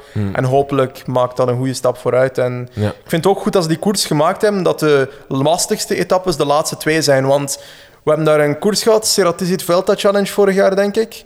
ehm, waar dat Van Vleuten eigenlijk op een had gereden is door een kopgroep in de eerste etappe. En ze heeft achter die etappe gezegd, ja, want, dat- want dat moet inhalen. hè. En de volgende etappe, de eerste berg die eraan kwam, heeft ze iedereen uit het wiel gereden. En heeft ze solo naar de finish gereden. En stond ze zo ver voor dat de laatste twee etappes voor het klassement niet uitmaakten. Ja. En dat is wat we niet willen in de Ronde van Frankrijk voor vrouwen. Want je wil niet dat is na twee dagen. Dus hebben ze de berg in de laatste twee etappes gezet. Wat Ja. dat fantastisch is daarvoor. Ja, ben benieuwd. Benji, jouw vrouw van het jaar. Je had er eigenlijk twee gezegd, maar de ene is al gezegd, dus je moet dan de andere kiezen. Ja, oké. Eh, ik had eh, eerst Kopecky en daarnaast ook Cavalli. Ehm, en ja, ik heb daarnaast eigenlijk ook een beetje Balsamo opgeschreven. Dus we hebben een beetje van alles gezet. Hè. Ehm, ik vind... Balsamo bijvoorbeeld, hè, dus vierde in Omroep Nieuwsblad, tweede Mhm. in Ronde van Drenthe, maar dan eerste Alfredo Binda, eerste in Brugge de Pannen, eerste in Gent-Wevelgem. Zot, hè? Dat is, Ja. ik had Cavalli als eh, tweede keuze ook. Ja. Cavalli, uiteindelijk rijdt hij, die rijdt niet zoveel, maar vanaf dat de heuvels eraan komen, Amstel Gold Race gewonnen en Lu- eh, Wa- Waalse Pijl, vijfde in Roubaix en zesde in Luik-Bastenaken. Ik heb een, eh, een hot take omtrent ehm, Cavalli. In de sens dat ehm, die ploeg komt meestal naar koersen samen met Cecilie Uttrup Ludwig als co-leidster. En ik ga eerlijk zijn, die is uitgevallen met denk ik COVID of een andere ziekte, waardoor dat ze die koers niet kon rijden. En ik denk dat dat een voordeel was voor Cavalli, want wanneer dat die twee samenrijden en ze komt terecht in ofwel een groep die vooraan zit, of een groep die een chasing group is, achter een leidster, die rijden nooit samen. Hè. Dat, dat is niet normaal. Als je die reis bekijkt, Hebben die ruzie, zeg je nu? Misschien wel. Misschien, wel. misschien is het daar... Heb je eh, inside information? eh, Ja, nee, ik, eh, ja, ik praat soms met Brody Chapman in die ploeg, maar die praat natuurlijk niet veel over de relatie tussen andere rensters, dus dat gaat niet te weten komen.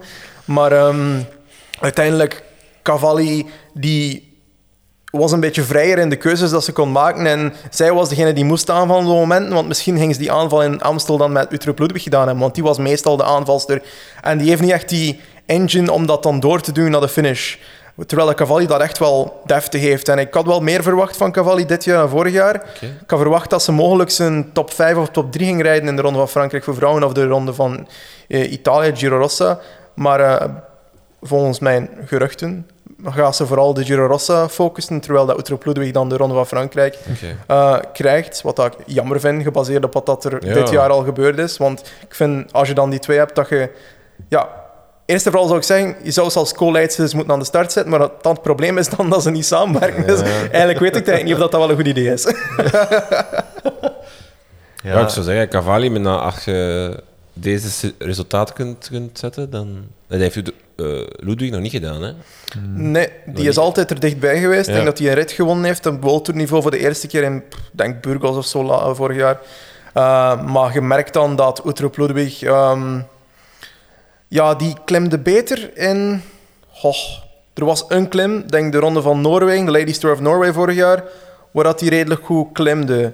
En ik denk dat hij beter klimde dan Cavalli dan. Maar ik ben niet zeker of dat die etappe is dat ik bedoel eigenlijk. Maar het kan ook zijn dat het op de, in de Volta Valenciana dit jaar was dat ze, dat ze beter reed dan Cavalli op, de- op de klim. Dus qua bergetappes weet men niet echt wie dat er de beter is van de twee. En dat is denk ik het probleem in die ploeg ook, dat ze niet weten wie dat ze moet zijn als leider. Ja, oké. Maar dan kan je beter op, eh, op alle twee eh, inzetten. Elke ronde. Want ze hebben ruzie. Dat, weer al, dat knippen we eruit als een take. Mooiste overwinning, Benji. Mooiste overwinning, wat heb ik nu weer gezegd? Ik denk dat ik eh, er twee opgeschreven heb. Evenepoel en Girmay. Maar ik ga voor Evenepoel gaan. Oei, dat jij ook. Ik ga voor Girmay gaan. en de reden dat ik voor Girmay gekozen heb in plaats van Evenepoel... is niet omdat er iemand anders dat gekozen heeft, maar dat is een renner dat we al een langere periode hebben zien aankomen. Ik denk dat we... Ja, nu terug naar Pro Cycling Manager. Ik denk dat ik die aangenomen heb in mijn Pro Cycling Manager teampje in 2018. wanneer, dat hij, wanneer dat hij Remco Evenepoel verslagen heeft in een juniorenwedstrijd. Een van de enige renners die Evenepoel verslagen heeft bij de junioren in Stavelo Obel of zo was die koers. Um, en sindsdien is hij stil aan het groeien. Die heeft dan uiteindelijk terechtgekomen bij Delco, omdat er geen World Tour ploeg daar talent in zag. Ik, ik, versta dat niet. Ik versta dat echt niet. Misschien, ja... Ik, je verstaat ook eigenlijk niet... Als je, als je dan nu ziet wat voor talent het is, als je dan hoort ook hoe, hoe duidelijk dat talent er was, hè, dat, ja. dat hij dan bij Intermarché terechtkomt. Eigenlijk op zich is dat... Vraag je af ja, het is zit hij niet bij Ineos? Bedoel, die mannen zijn zo goed bij Ineos om... om de, allez, zo goed, het is niet zo moeilijk om met veel geld de, de, de heel duidelijke talenten te pakken. Of bij UAE, nu zijn ze ook daarmee bezig. Hè, met die, je ziet gewoon, dan, dan ja, is daar toch een, een soort van wantrouwen tegen het Afrikaanse wielrennen. Hè? Je kunt het toch niet anders omschrijven. Een soort van ja, onbewust racisme bijna, vind ik het ergens. Hè. Ik ga eerlijk zijn, ik denk dat het een combinatie is van low-key systemic racism, zoals dat gezegd, dat dat er een beetje in zit van het oudere systeem. Traditionele mensen die meer in Europa en Colombia nu sinds een bepaalde periode ook gaan zoeken qua scouting en dat dat niet doorgevoerd is daar.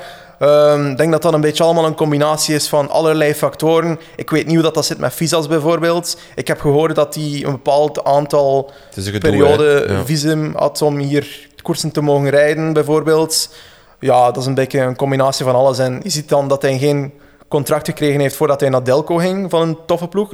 Ja, laat ons eerlijk zijn. Ayuso en Carlos Rodriguez, Spaanse toptalenten, die waren direct opgenomen bij UAE en bij Ineos. Ja. Als, ja, laat ons, laat ons eerlijk zijn. Als we dan kijken naar de tweede klasse van het wielrennen, als een Italiaan relatief goed met zijn benen kan spartelen, dan, is die, dan heeft hij een profcontract. Ja, ja, dus uh, dat is een grote vergelijking tussen die twee. En, het, is ook, het is ook Girmay is ook zo'n renner, vind ik. We, we, hebben het al gehad over Van der Poel. Zo iemand, iemand die alles kan of heel veel kan. Ja. Girmay is ook zo iemand. Hè, die, die, die zie je Ronde van Vlaanderen winnen ooit. Maar mm. ook uh, huishouden in een, in een tour. En dat is ik niet om te winnen, maar wel om, om daar heel straf etappes te winnen, bij spreken. Ja, is iemand die... Ik vind Gir, ja, Girmay is in mijn ogen de coming man. Ja. Dat gaat de komende jaren echt duidelijk worden. En op zich... Het gemak waarmee dat die Gent-Wevelgem heeft... Allee, gemak is misschien veel gezegd, hè? maar nee, okay, Maar ik bedoel, hoe soepel dat hij volgde op de hellingen, hoe, de flair die hij heeft, de, de explosieve finish, want Tom Bonen heeft het ook gezegd, hè? Als je een goede sprint hebt en je kunt met de, bij de klassiekers kunt volgen op de hellingen, dan zit je klaar om veel te winnen. Hè? En dat, dat die heeft dat allemaal. Hè? Dus uh, ja, inderdaad, hè, visa wordt een probleem gewoon. Hè. Hij zal moeten, mag maximum, verhuizen. Ja. ja, want er wordt gezegd, hij mag maximum 90 dagen in Europa zijn. Ik weet en dan moet hij, dan moet hij altijd terugkeren, want dat is de reden waarom hij blijkbaar... Allee, Ronde van Vlaanderen zou misschien nog gelukt zijn, was om andere redenen, maar mhm. dat, dat zou de reden kunnen zijn waarom hij eigenlijk terug moest. Hè. Maar ja, het is iets waar we misschien nu nog nooit of nooit gaan weten. Maar... Op zich wel leuk dat hij bij Intermarché rijdt. Ja, dat ik vind dat ook. Met zoveel talent in de reis bij Ineos of, of UAE bijvoorbeeld. Maar Zeker. Dat, dat daar... Uh, trouwens, op die noot, ik las dat de UCI aan het nadenken is over een salary cap ook in het uh, wielrennen. Ja, maar ik las ook iets dat dat like, niet mag in de Europese Unie of zo. Dat er ah. daar een, een, wet voor is, dat er geen salary caps mogen zijn. Dat het daarom is dat dat in Amerika gebeurt. Maar dat kan ook fout zijn. Dus ah, we, zijn hier, uh, we zijn hier goed op de hoogte. Ja, Het is een beetje gokken. Hè. Ik, uh, dus ik had al gezegd, uh, Kopecky in Vlaanderen was mijn mooiste overwinning. maar Dries, jij koos voor... Ja, Remco Evenepoel. De, samen met die over... Ja, we sluiten weer aan, hè, maar samen met de overwinning van Girmay is dat... Uh, dat, dat, is gewoon puur gevoel, de overwinning dat mij het meeste deed dit voorjaar. En dat, dat gaat daarom niet over de manier waarop, want ik vond... bijvoorbeeld, eh, ik, had, ik had er ook twee opgeschreven. Ik vond bijvoorbeeld Pogacar tijdens de Strade Bianchi even indrukwekkend. Maar gewoon, dat is Evenepoel, dat is een ja. Belg. Daar zit zoveel druk op op die jongen. Uh, iedereen wil het gewoon ook zo graag dat het, dat het die een Belg is die het waarmaakt binnen al. Allee, dus, dus alles daar rond, je gunt die, de- ik gun die dat ook zo hard, rekening altijd met alles wat daar rond dan Ja. eh, leeft. Eh, en de manier waarop is typisch Evenepoel. Eh, maar ook dat maakt het weer al... Ja, dat is, ik vond dat een prachtige overwinning. Een, een demarrage waarbij op het einde eigenlijk op, op de top van La Redoute, waarbij bijna met zijn achterwiel wegglijdt, gewoon omdat er zoveel kracht achter zit. Maar blijkbaar goed over nagedacht, hè? want daarna Ja. kwam een stuk met meewind of zoiets. Ja. eh, Ja. Dat, dat echt wel allee, het beste moment was om aan te vallen. Ja, want het had voor de rest heel veel tegenwind ook nog eens. Hè. Eh, Ik ben een grote Remco. Evenepoel fan. Ik, ik, ik, ik vind het fantastisch. Echt, Ik vind het ook chapeau voor hem dat hij niet gewoon over de streep komt en zo fuck you naar iedereen bleef van. Dat had ik gedaan, dat had ik gedaan. Dus ik op dat moment, met, met daarbij ook een spandoek met Eddie Plankaart, die volgens mij twee weken geleden gezegd heeft in de krant, Remco zal nooit een grote ronde winnen. Dat had ik er gewoon erbij gepakt en dan fuck you nog naar dat spandoek gedaan. Ik vind het zo typisch Belgisch weer dat wij die man zo weer kapot moeten maken. Dat wij zo om de vijf botten op een stuk moeten schrijven wat voor een arrogante vent dat dat is. Terwijl ik denk, het is een gast die graag koerst, die graag ook, die graag ook wint. Ik bedoel, moeten we dan allemaal Oliver Naasten zijn dat we zo... Ja, als, als Mathieu aan de start staat, kunnen we niet winnen. Dat is Oliver Naasten. Ook tof, hè? ik ben ook fan van Oliver. Maar dan denk ik van, we hebben nu eens iemand die ervoor gaat, die geen blad voor de mond neemt, die, die, en die... Ja, dan denk ik, vind ik... Ik vind dat ook gewoon Ik vind leuk. dat we nu allemaal moeten zwijgen. Die man heeft een monument gewonnen. Maar ja, het is tuurlijk. fucking 21 Ik jaar. vind dat wij altijd moeten zwijgen. Ja, ja, allee, maar ik vind dat we- nu ja. heeft hij echt ook gewoon gezegd... Allee, zwijg, want ik heb hier een monument gewonnen en dat Ja. hebben er nog niet veel gedaan. Maar Ik het, feit, het feit is gewoon dat met, met Evenepoel, daar gaat altijd commentaar op zijn. Ja, maar... maar en ik wil Dat, trouwens allee, nog dat iets... vind ik jammer, hè, maar dat, dat is wel een beetje hetgeen... En wat ik wil trouwens eh, Patrick. Lefevre, als hij luistert... Ilan van Wilder is gevallen Ah, ja. in eh Luik. Heel jammer, want ik, ik heb hier ook volgens mij... Heb ik in deze podcast al gezegd dat... Een paar weken geleden dat Ilan van Wilder top 5 ging rijden in Giro. Oei, dat een probleem. Maar goed, het probleem is dat hij heeft zijn kaak gebroken, denk ik, als Ja. ik eh, de Twitter-account van Benji Nase mag geloven. Ehm dat stond erop, Benji, dat stond erop. Ja, ik weet gewoon niet wat ik dat gevonden heb. Maar dus, hij zal waarschijnlijk de Giro niet rijden. Dat wil zeggen, er komt een plek open in de Giro-selectie van Quickstep. Ik zou zeggen, Remco, pak een weekje verlof.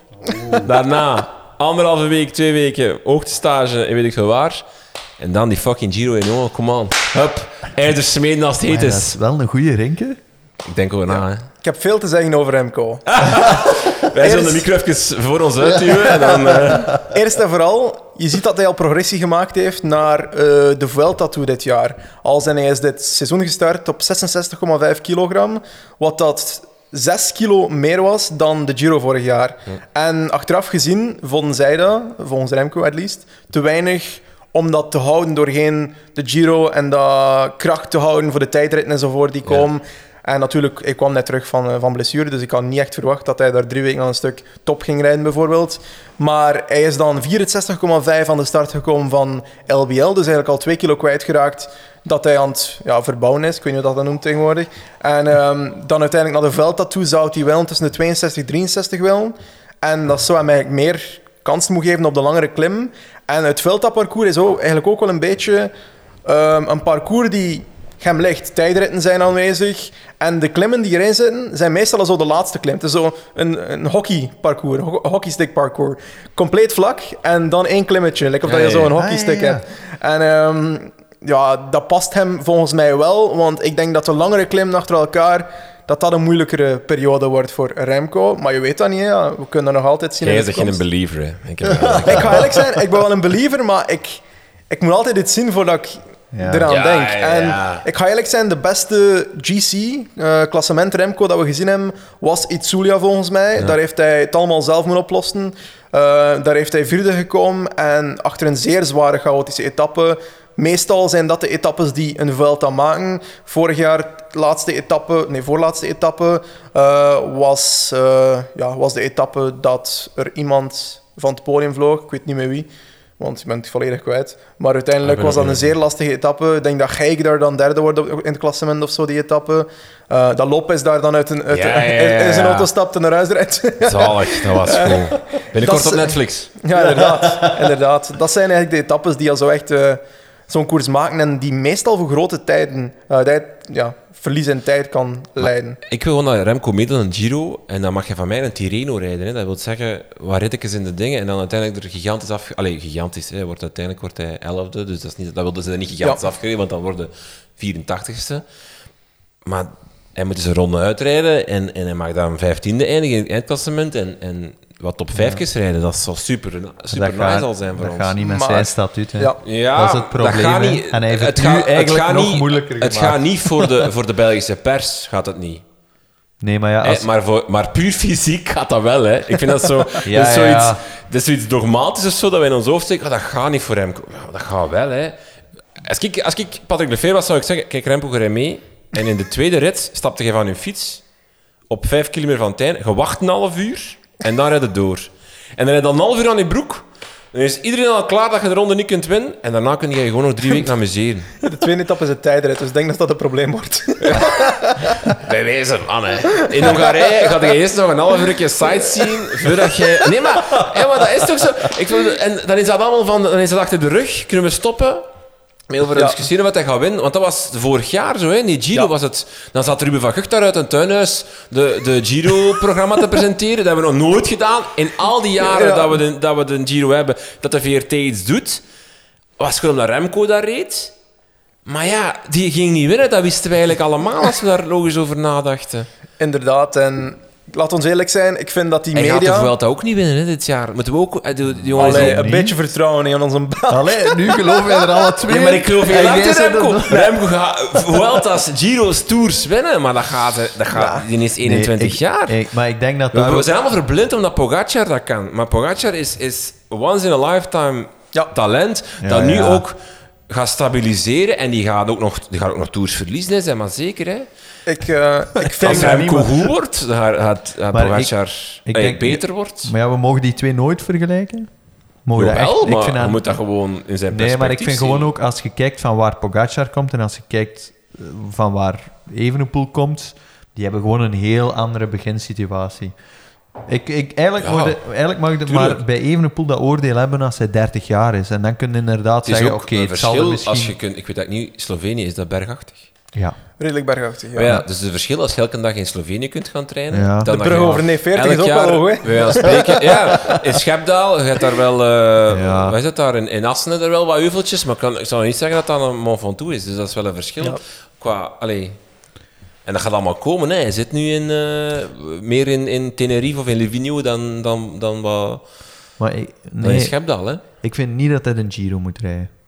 Ik vind stick to Ik the, vind gewoon, het zou gewoon gewoon... stick to the plan, volg het. Nee, en, het zou gewoon goed zijn... voor Vuelta gaan. Ja, maar Vuelta, dan gaat, gaat iedereen weer klaarstaan. Ik heb een Dat weten ander we al idee. maanden. Maar als hij Giro rijdt... Out of the blue, ik zeg het zelfs niet. Opeens, opeens staat hij daar.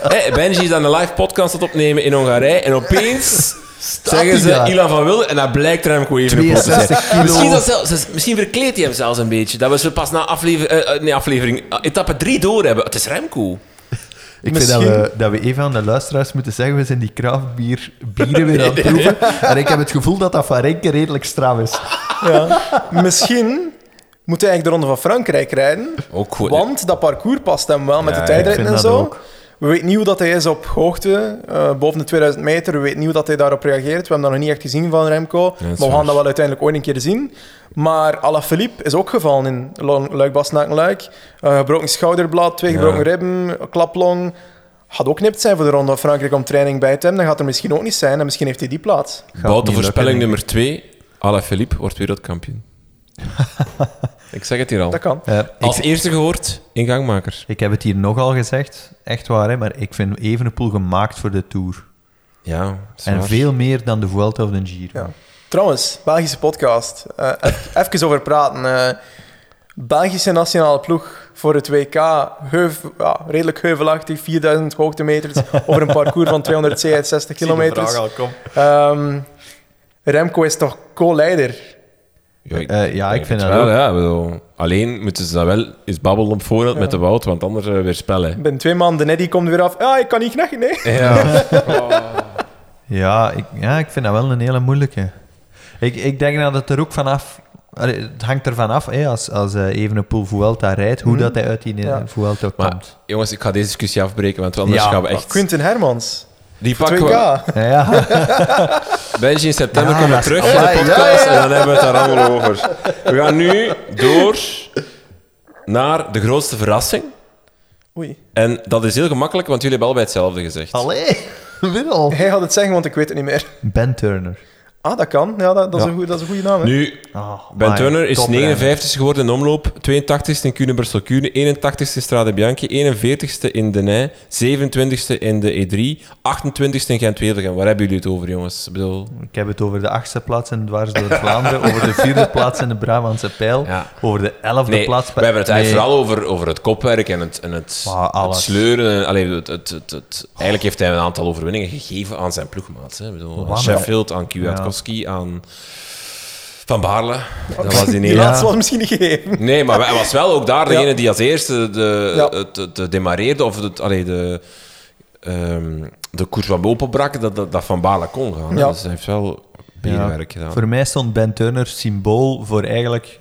Want ik vind eigenlijk eerder Ine- Ineos de verrassing van het voorjaar. Eh, en dan bedoel ik daar de manier waarop dat ze gereden hebben. Heel open, heel attractief, heel aanvallend. En eigenlijk, ja, gewoon zo'n no-nonsense. Gewoon, we gaan ervoor en we zien wel waar dat we uitkomen. En ik vond, dat, ik vond heel die ploeg heel goed in elkaar zitten. Ben Turner. En, en ook vooral, eh, ja, als je aan eh, Turner denkt, Sheffield, eh Pitcock vind ik in iets mindere mate persoonlijk, maar Die komt straks nog. ja, Kwiatkowski, die hadden allemaal het gevoel, hetgeen wat Van- eigenlijk SD Works helemaal niet heeft, en dat is, we rijden gewoon voor elkaar en we zien wel wie dat er op het einde het sterkste is. En dat zat eh, er heel goed in, ja. in die ploeg. Ik dat hoorde in de Live Slow Ride Fast podcast, hebben ze gebeld met Van Baarle en die zei dat echt iedereen in tranen was na zijn overwinning. Kijk, Eh, voilà. Kwiatkowski die, die bij hem kwam, die aan het wenen was. Dat Brailsford was... eh, Knaven heb je misschien gezien in het filmpje, was Ja. in tranen. Het was, dat was blijkbaar eh, ja, echt eh, emoties alom bij de Ineos boys. Ja, eh, ik vind na dat- Roubaix. Ik vond dat, die, heeft mij, die hele ploeg en, en ook Ben Turner heeft mij enorm gecharmeerd dit voorjaar. Ik denk dat die ploeg voordeel haalde uit het feit dat ze zoveel renners in de finale krijgen in veel van die koersen. En dat dat als blok een heel sterke ploeg is. En renners zoals Van Baarle hebben dat nodig, omdat die... Die hebben niet echt die finishing skill om echt de sprint te winnen, om weg te punchen op een klim, om eh Wout van uit rijden op de kassein. Die moeten tactisch wat spelen in groepen, eh, proberen weg te glippen met een aanval links en rechts, hopen dat de, de, de group dynamic, zoals we dat noemen, in een, in een chasing group, in de groep erachter, een beetje tegenvalt, dat Wout van Aert niet direct erachter wil rijden, dat, dat hij naar Van der Poel kijkt, die dan niet in orde is in. Ja, een beetje de combinatie van alles. Van Baarle heeft dat wel nodig en dat is alleen maar voordelig als je een extra renners van je eigen ploeg daar ook hebt. Bijvoorbeeld Brabantse Pijl, Magnus Sheffield rijdt daar weg. Dat was nu wel een hele zielige manier dat hij daar weg demarrage. echt. Geniaal. Ja, ik vind, Maar van- echt toch... Maar dat Ja, moet je ook niet overbenen, maar Tim Wellens maakt daar toch een, een grote fout. Maar ik in. vind heel die groep... Ja, oké. Ja. Maar we, we, we, we Sheffield wijken weer af. Ik moet hier echt... Ik Ik wil moet toch ik even moet hier over- strenger worden, Nee, want... Rienke, ik wil het toch even zeggen, maar, en, en echt waar, hè, alle respect voor Sheffield, hè, maar hij heeft het gekregen hè, die dag. Hij heeft het echt Oh. gekregen. combinatie. Je heeft nog altijd de motor om te ja, finishen. ik denk dat wel, anders- Het Ja. is daarom echt alle respect. Ik vind dat een prachtige... Is het Maar- bizar dat we 82 minuten ver zijn in de podcast over het wielervoorjaar en dat we het eigenlijk nog niet gehad hebben over Dylan van Baarle, die toch tweede wordt in ronde en Roubaix wint? Altijd onderschat, hè. Koning van de anticipatie. Ik vind het, Ja. ik vind het fenomenaal. Eh, ik, ik moet zeggen, gun het hem, heel, ik gun het hem wel heel hard, eh Dylan van Baarle, Roubaix. ja, ik vind Van Baarle hetzelfde een beetje als Matej Mohoric. Het zijn twee renners waar bijna nooit over wordt gesproken. Eh, maar ik heb het speciaal voor de podcast nog even opgezocht. Hè. Maar Matej Mohoric eindigt ja, eerste Milan Sanremo, negende Gent-Wevelgem, 21ste Ronde van Vlaanderen, vijfde Parijs-Roubaix, derde, dertiende Amstel Gold Race. Eh, maar is gewoon, dat zijn twee renners zo constant, kunnen alles meedoen. Hè. Doen alles mee. Ja. Hè. Dat, Ja. dat gebeurt nu eenmaal hè, als we een man van het jaar willen opnoemen en Ja, dat iemand Evenepoel ja, neemt ja. in plaats van Van Baarle. Ja. Maar misschien kort even, Van Baarle heeft, contra- heeft zijn einde contract. Hij kan bij Ineos blijven, hij kan naar Jumbo of hij kan naar UAE of Bora. Maar, wat Bora. Wat zouden jullie hem aanraden? Als, als, jullie managers, als jullie manager zouden zijn? Hangt af van het geld, zou ik zeggen. Want eh, Ik denk dat hij bij Ik denk dat- dacht dat hij sportief ging babbelen, maar oké. ja, nee, nee, nee, nee. nee. Hij zit in de periode van zijn, van zijn carrière. Hij heeft waarschijnlijk al goed verdiend bij, eh, Ja, ik bij wel, Ineos. ja. Maar wanneer dat we over salarissen praten voor zulke renners, zitten we al rap boven de zeven cijfers, ook voor Van Baarle. Dus dat is, al, dat is al een redelijk centje dat hij verdient. En ik denk dat hij bij UAE misschien meer kansen gaat hebben Denk je? ehm, dan bij Jumbo voor, bijvoorbeeld. Maar ik, ik ga eerlijk zijn, ik vind hem like, Ik zou zeggen, blijf bij Ineos. Dat is mijn ding. Ja, tuurlijk. nou, nu wel. Of, of hij Jumbo gewonnen kan heeft. ook, maar hij heeft die, die... Volgens mij kan hij bij Jumbo ook nog ronde winnen. En bedoel, met Van Aert, die klaar zit in die groep, en hij kan dan weer anticiperen en wegrijden. En ze kijken naar allemaal naar elkaar.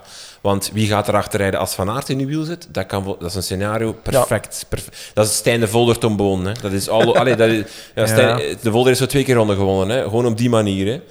Dat kan, maar bij Ineos kan dat ook, denk ik, met, met dan die sterke groep rond, rond Kwiatkowski, Sheffield, ehm, Ja. Turner. Kan volgens mij exact hetzelfde nog eens gebeuren. Maar ik Ja, zou niet naar UAE gaan, want daar ben je alleen kopman. En dan... Pogacar, hè? die is overal kopman. Hè? Ja, ja, maar ik zie Pogacar ook niet nog tien jaar elke keer weer die ronde rijden. Als in de Ronde van Vlaanderen? Ja. Of, ja, oké. Ehm, die, die gaat keuzes altijd maken, gaat verschillen. Ja, ik denk dat hij in de komende jaren gaat focussen op twee grote rondes in een jaar. Ehm, dat dat misschien dit jaar met de Vuelta zo is. En, En Roubaix het- is altijd een gevaar hè, voor een eh, renner. Kassein, meervalpartijen. Dus die wil dat niet doen in de aanloop naar een Tour de France.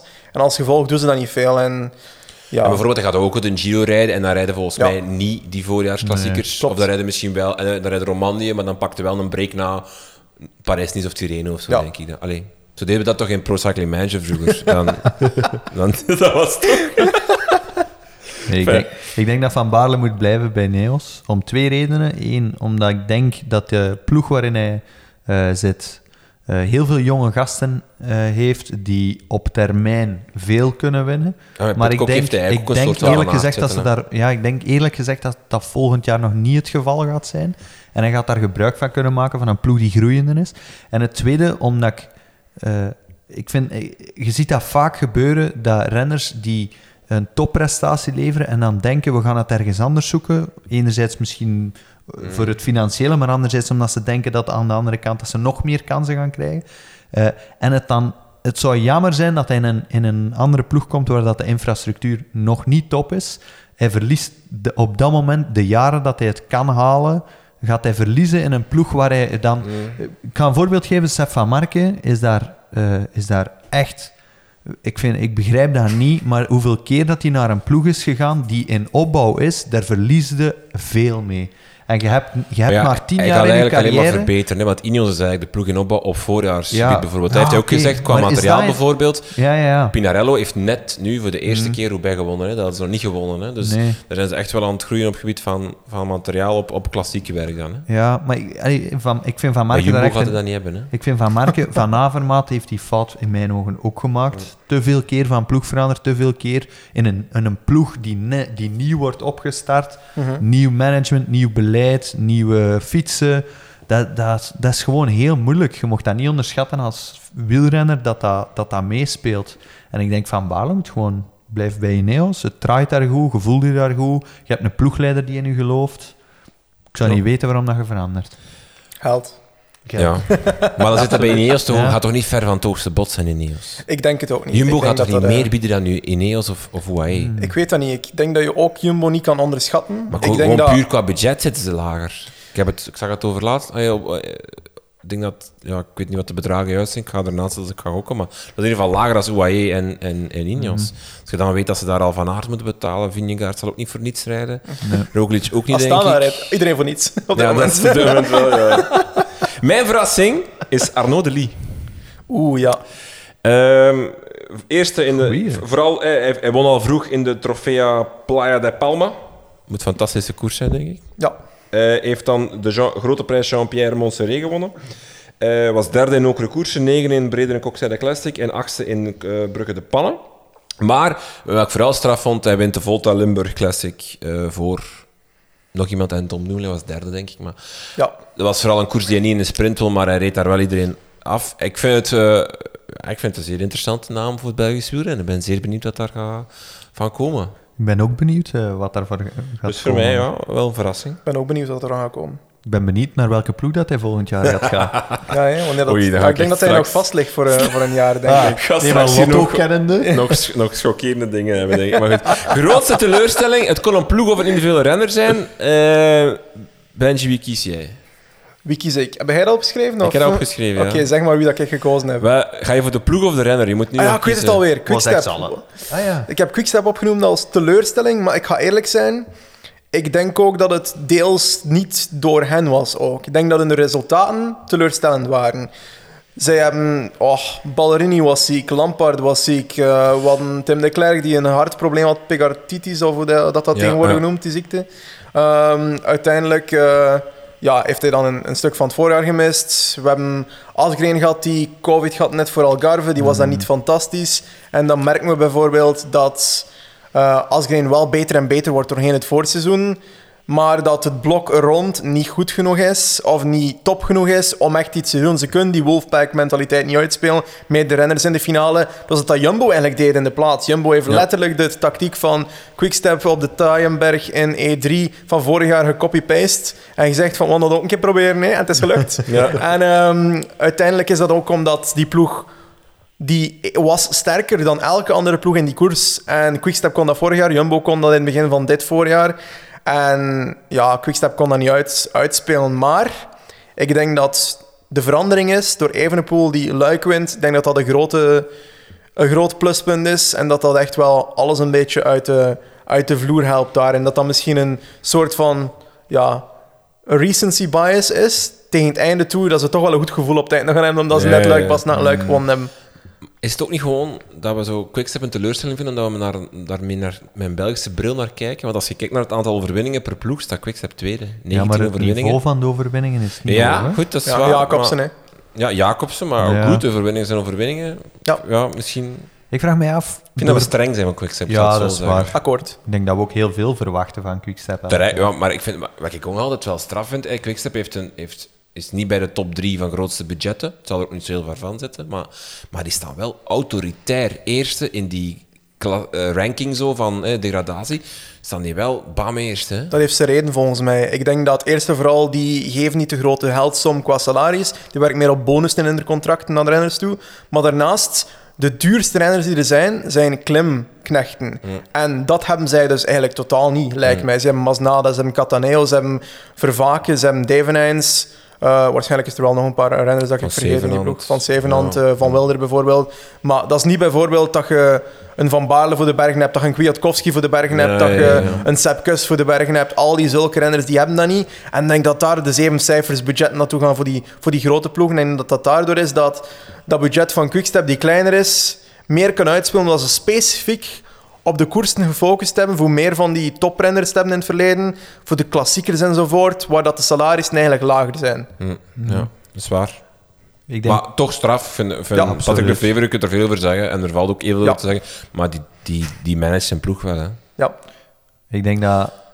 Ik ga nog wilde gok doen. Ik denk dat volgend jaar Alaphilippe voor Ronde van Vlaanderen gaat gaan en Evenepoel terug Luik, Bastenaken, Luik gaat doen. En dan heb je twee de kopmannen in het voorjaar. Want ik twijfel, ook al is het ziekte, zal ongetwijfeld meegespeeld hebben, maar ik twijfel toch aan de rest van die ploeg in het voorjaar. Ik denk een goede Casper Asgreen, die mee. Ja, Die voor de Ja. prijzen. maar buiten dat, Ja, zo moet je inderdaad goede knechten misschien, ja.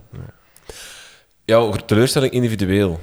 Ja, ik had Nivia Doma gekozen bij de vrouwen, omdat ik er eigenlijk veel van verwachtte in de heuvelklassiekers, maar eh, dat is er niet echt uitgekomen. Die waren altijd in de tweede groep gemeld wanneer dat de aanval begonnen en die was er dan niet in de finale.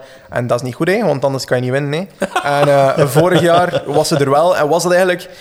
Nivia Doma wa- was de sterkste renner in een 1 kilometer 10 tot 11 tot 20 procent klim. Echt als zo'n echte punch, een muur de Guy. Die was de beste renner op vorig jaar. Maar elke keer dat ze op zo'n etappe kwam, dan was er één renner die die dag beter was. Ja, dan, dan dacht Ja. ik misschien is dit het jaar dat ze doorbreekt en dat ze het wel juist heeft, maar dat is niet gelukt. En ik, ben, ik vind dat teleurstellend. Ja, oké.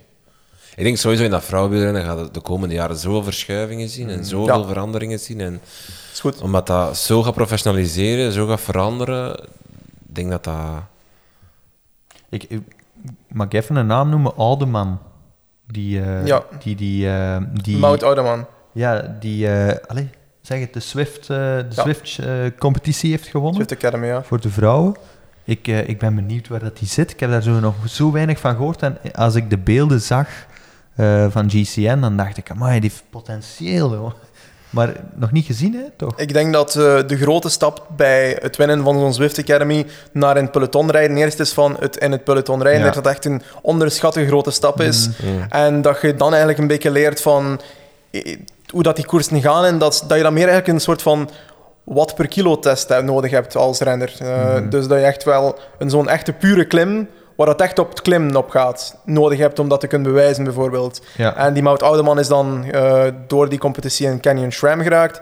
Die heeft daar nog niet echt veel bewezen, maar heeft daar haar eerste koersen proberen uit te rijden, et cetera. En ik denk dat dat een goede eerste stap is. Je kan niet verwachten dat ze zij direct eh, Nee, nee, top nee. gaat beginnen doen. Ik denk dat je dat wel ziet. Loes Adegeest wint het WK voor het WK Zwift. ehm, een paar maanden geleden, denk ik. Februari ergens.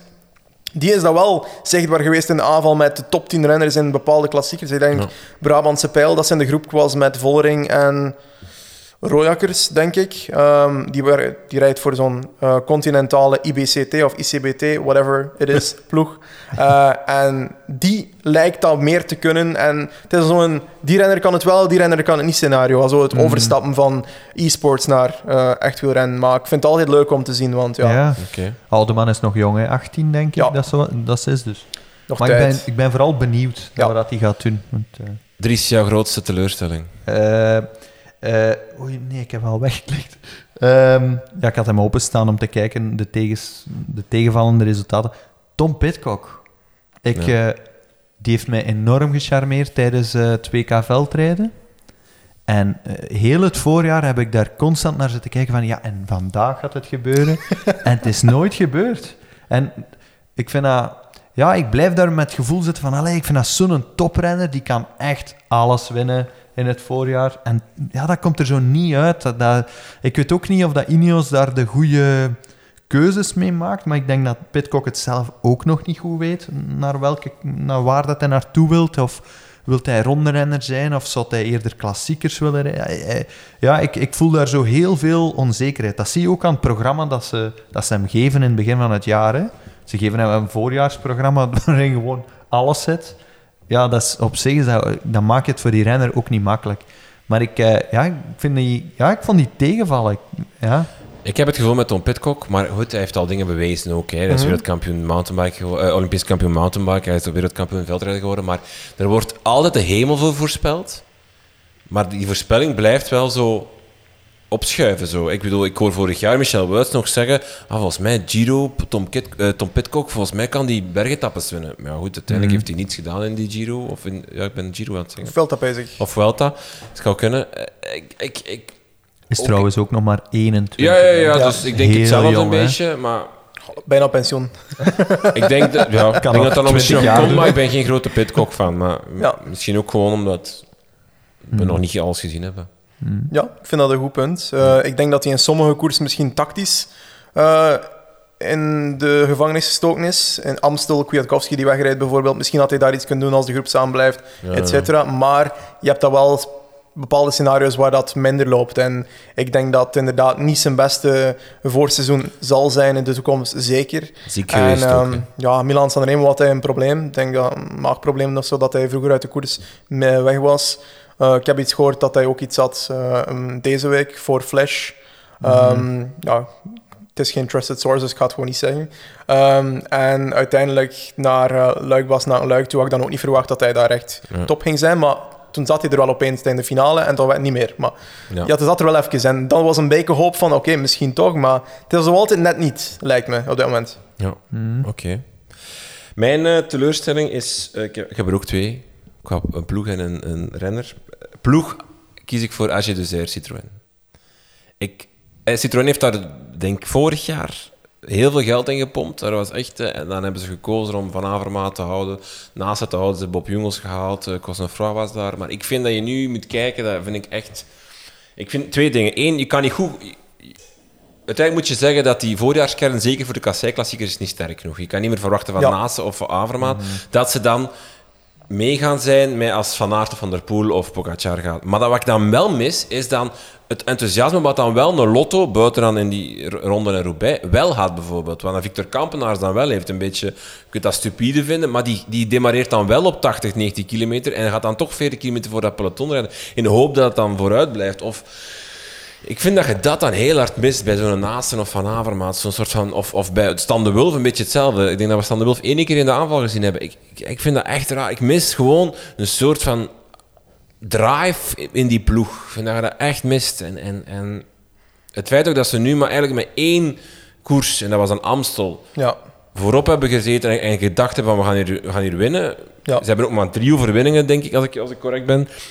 Dit seizoen, ik vind, ik vind dat echt een beetje een trieste ploeg aan het worden. Ook als je ziet dan wat dan een Groupama FDG wel kan, met Madouas, eh, met Pinot. Allee, ze kunnen- Intermarché. Intermarché is een... Ja, goed. Allee, maar ik, ik, vind, ja, ik vind dat echt een teleurstellende ploeg, vooral van, voor het budget dat ze hebben. En voor, Ja. ik, vind, ik vraag me ook af hoe professioneel wordt daar gewerkt. Ik, ik, ik- ja. Ik denk, ja, ik denk dat het jammer ook is, want voor van, eh, er wordt snel naar Van Avermaat en Naasten dan gekeken. En ik denk, dat is ook hetgeen wat jij zegt, van, eh, dat die twee ook nu beseffen van shit, het gaat, het gaat niet meer lukken. Ja. Hè.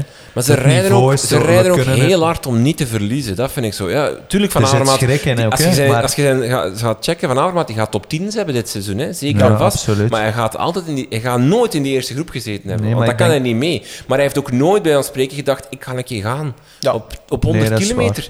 En dan ga ik misschien gepakt worden en 105, allee, en, en 80ste worden. Goed, maar ik heb geprobeerd. Hij heeft En dat wel bij Parijs-Roubaix gedaan. Hè. Ja, vorig jaar denk ik, als ik juist ben. Nee, nu denk ik niet.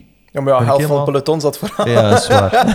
En vorig jaar heeft hij volgens mij even meegereden met, met Florian Vermeers. Maar, maar ja, Maar ik volg u volledig. ja, ik vind dat... dat Ja. En mijn eh, tegenvallende renner is Mark Hirschi.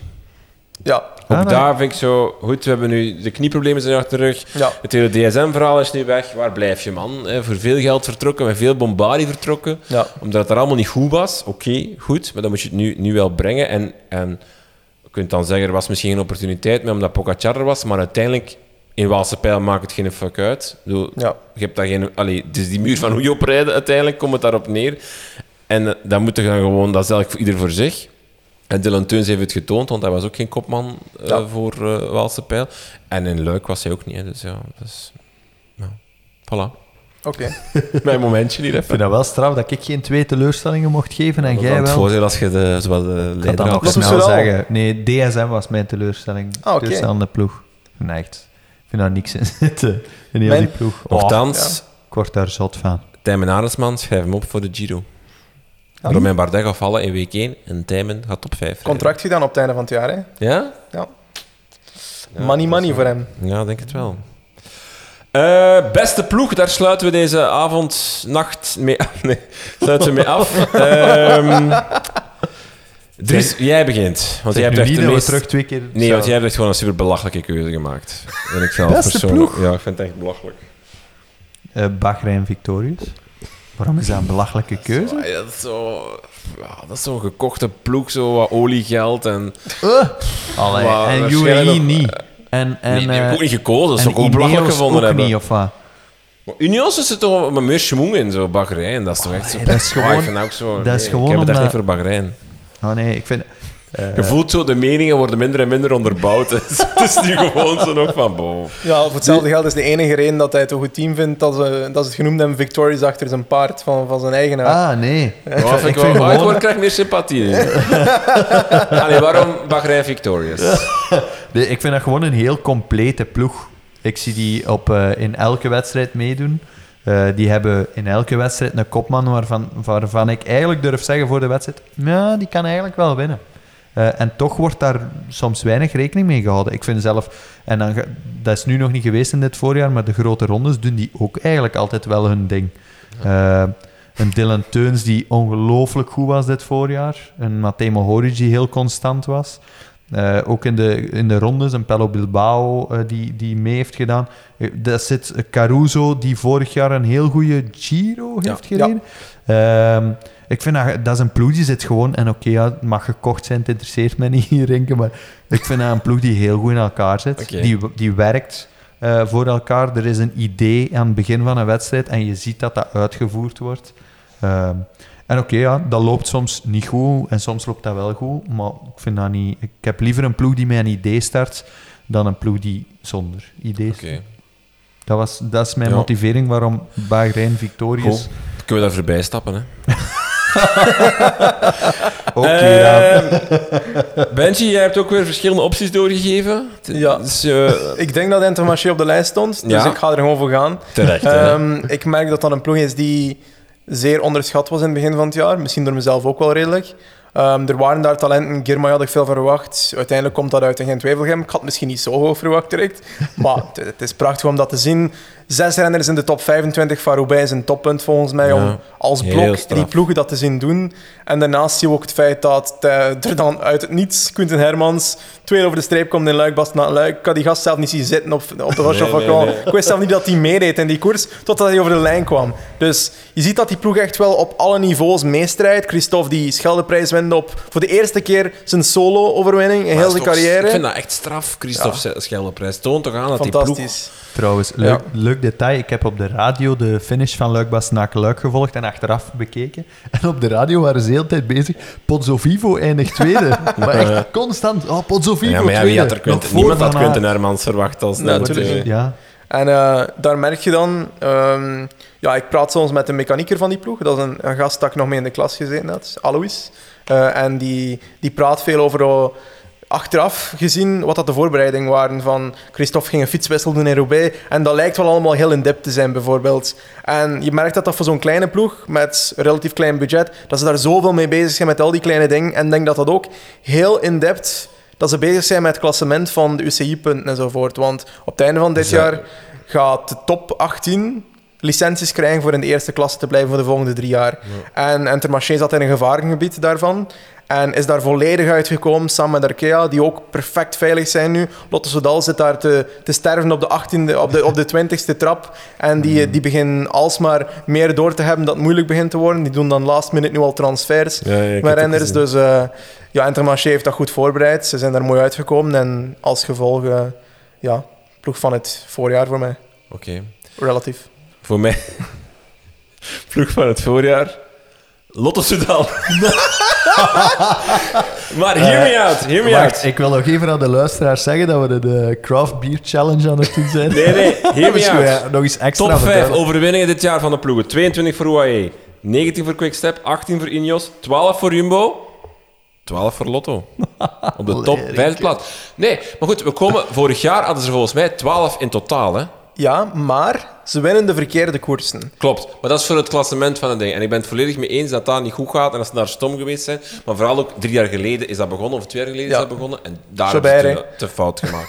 maar ik vind gewoon, Zwaar. als je kijkt wat het vorig jaar was, was het echt, vond ik het, vond ik het veel triestiger. Was het enkel Florian Vermeers in Roubaix. Daarna hadden we echt geen idee.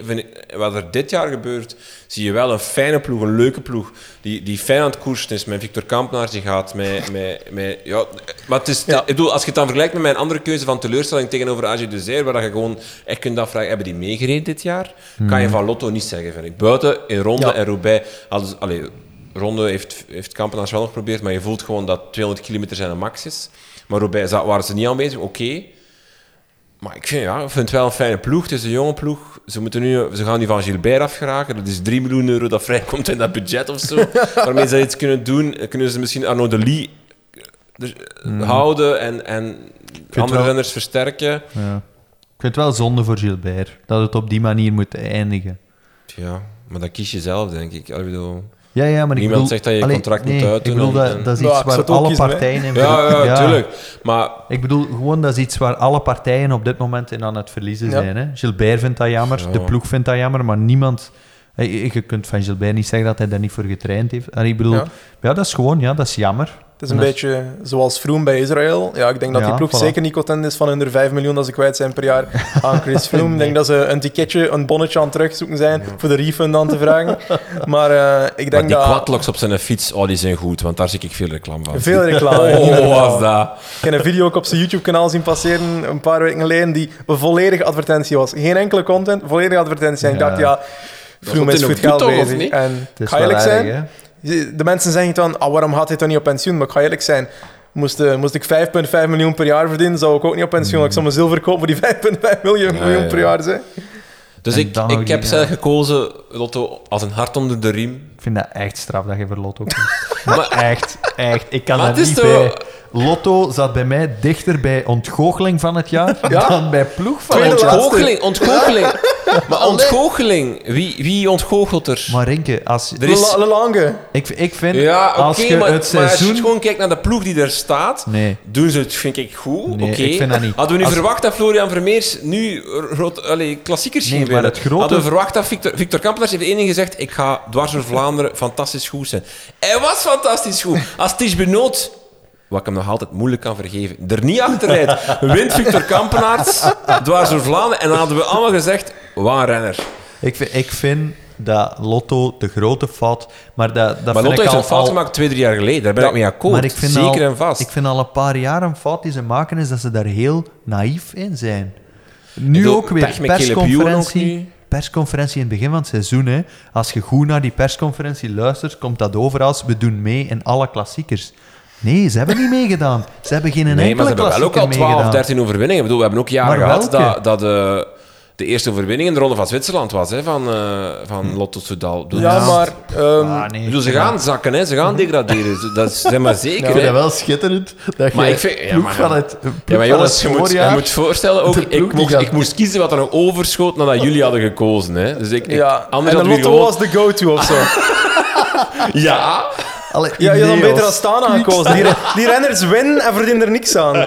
maar, maar ik ga niet voor Miguel Angel Lopez kiezen. Nee, kom aan, jongens. Echt Fantastische het renner. grootste kind ever. Goed, jongens. eh, de teller, alleen onze timer, is al opnieuw begonnen met tellen. Dus het is echt tijd dat we afsluiten.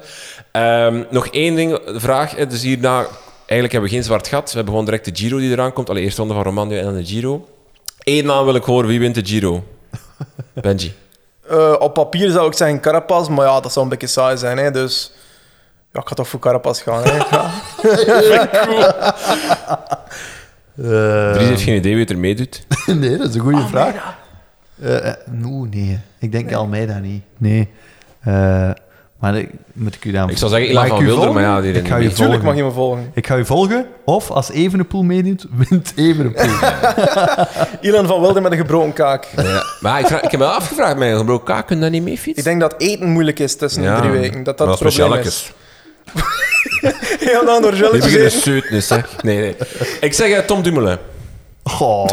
Never believe. Never stop believing.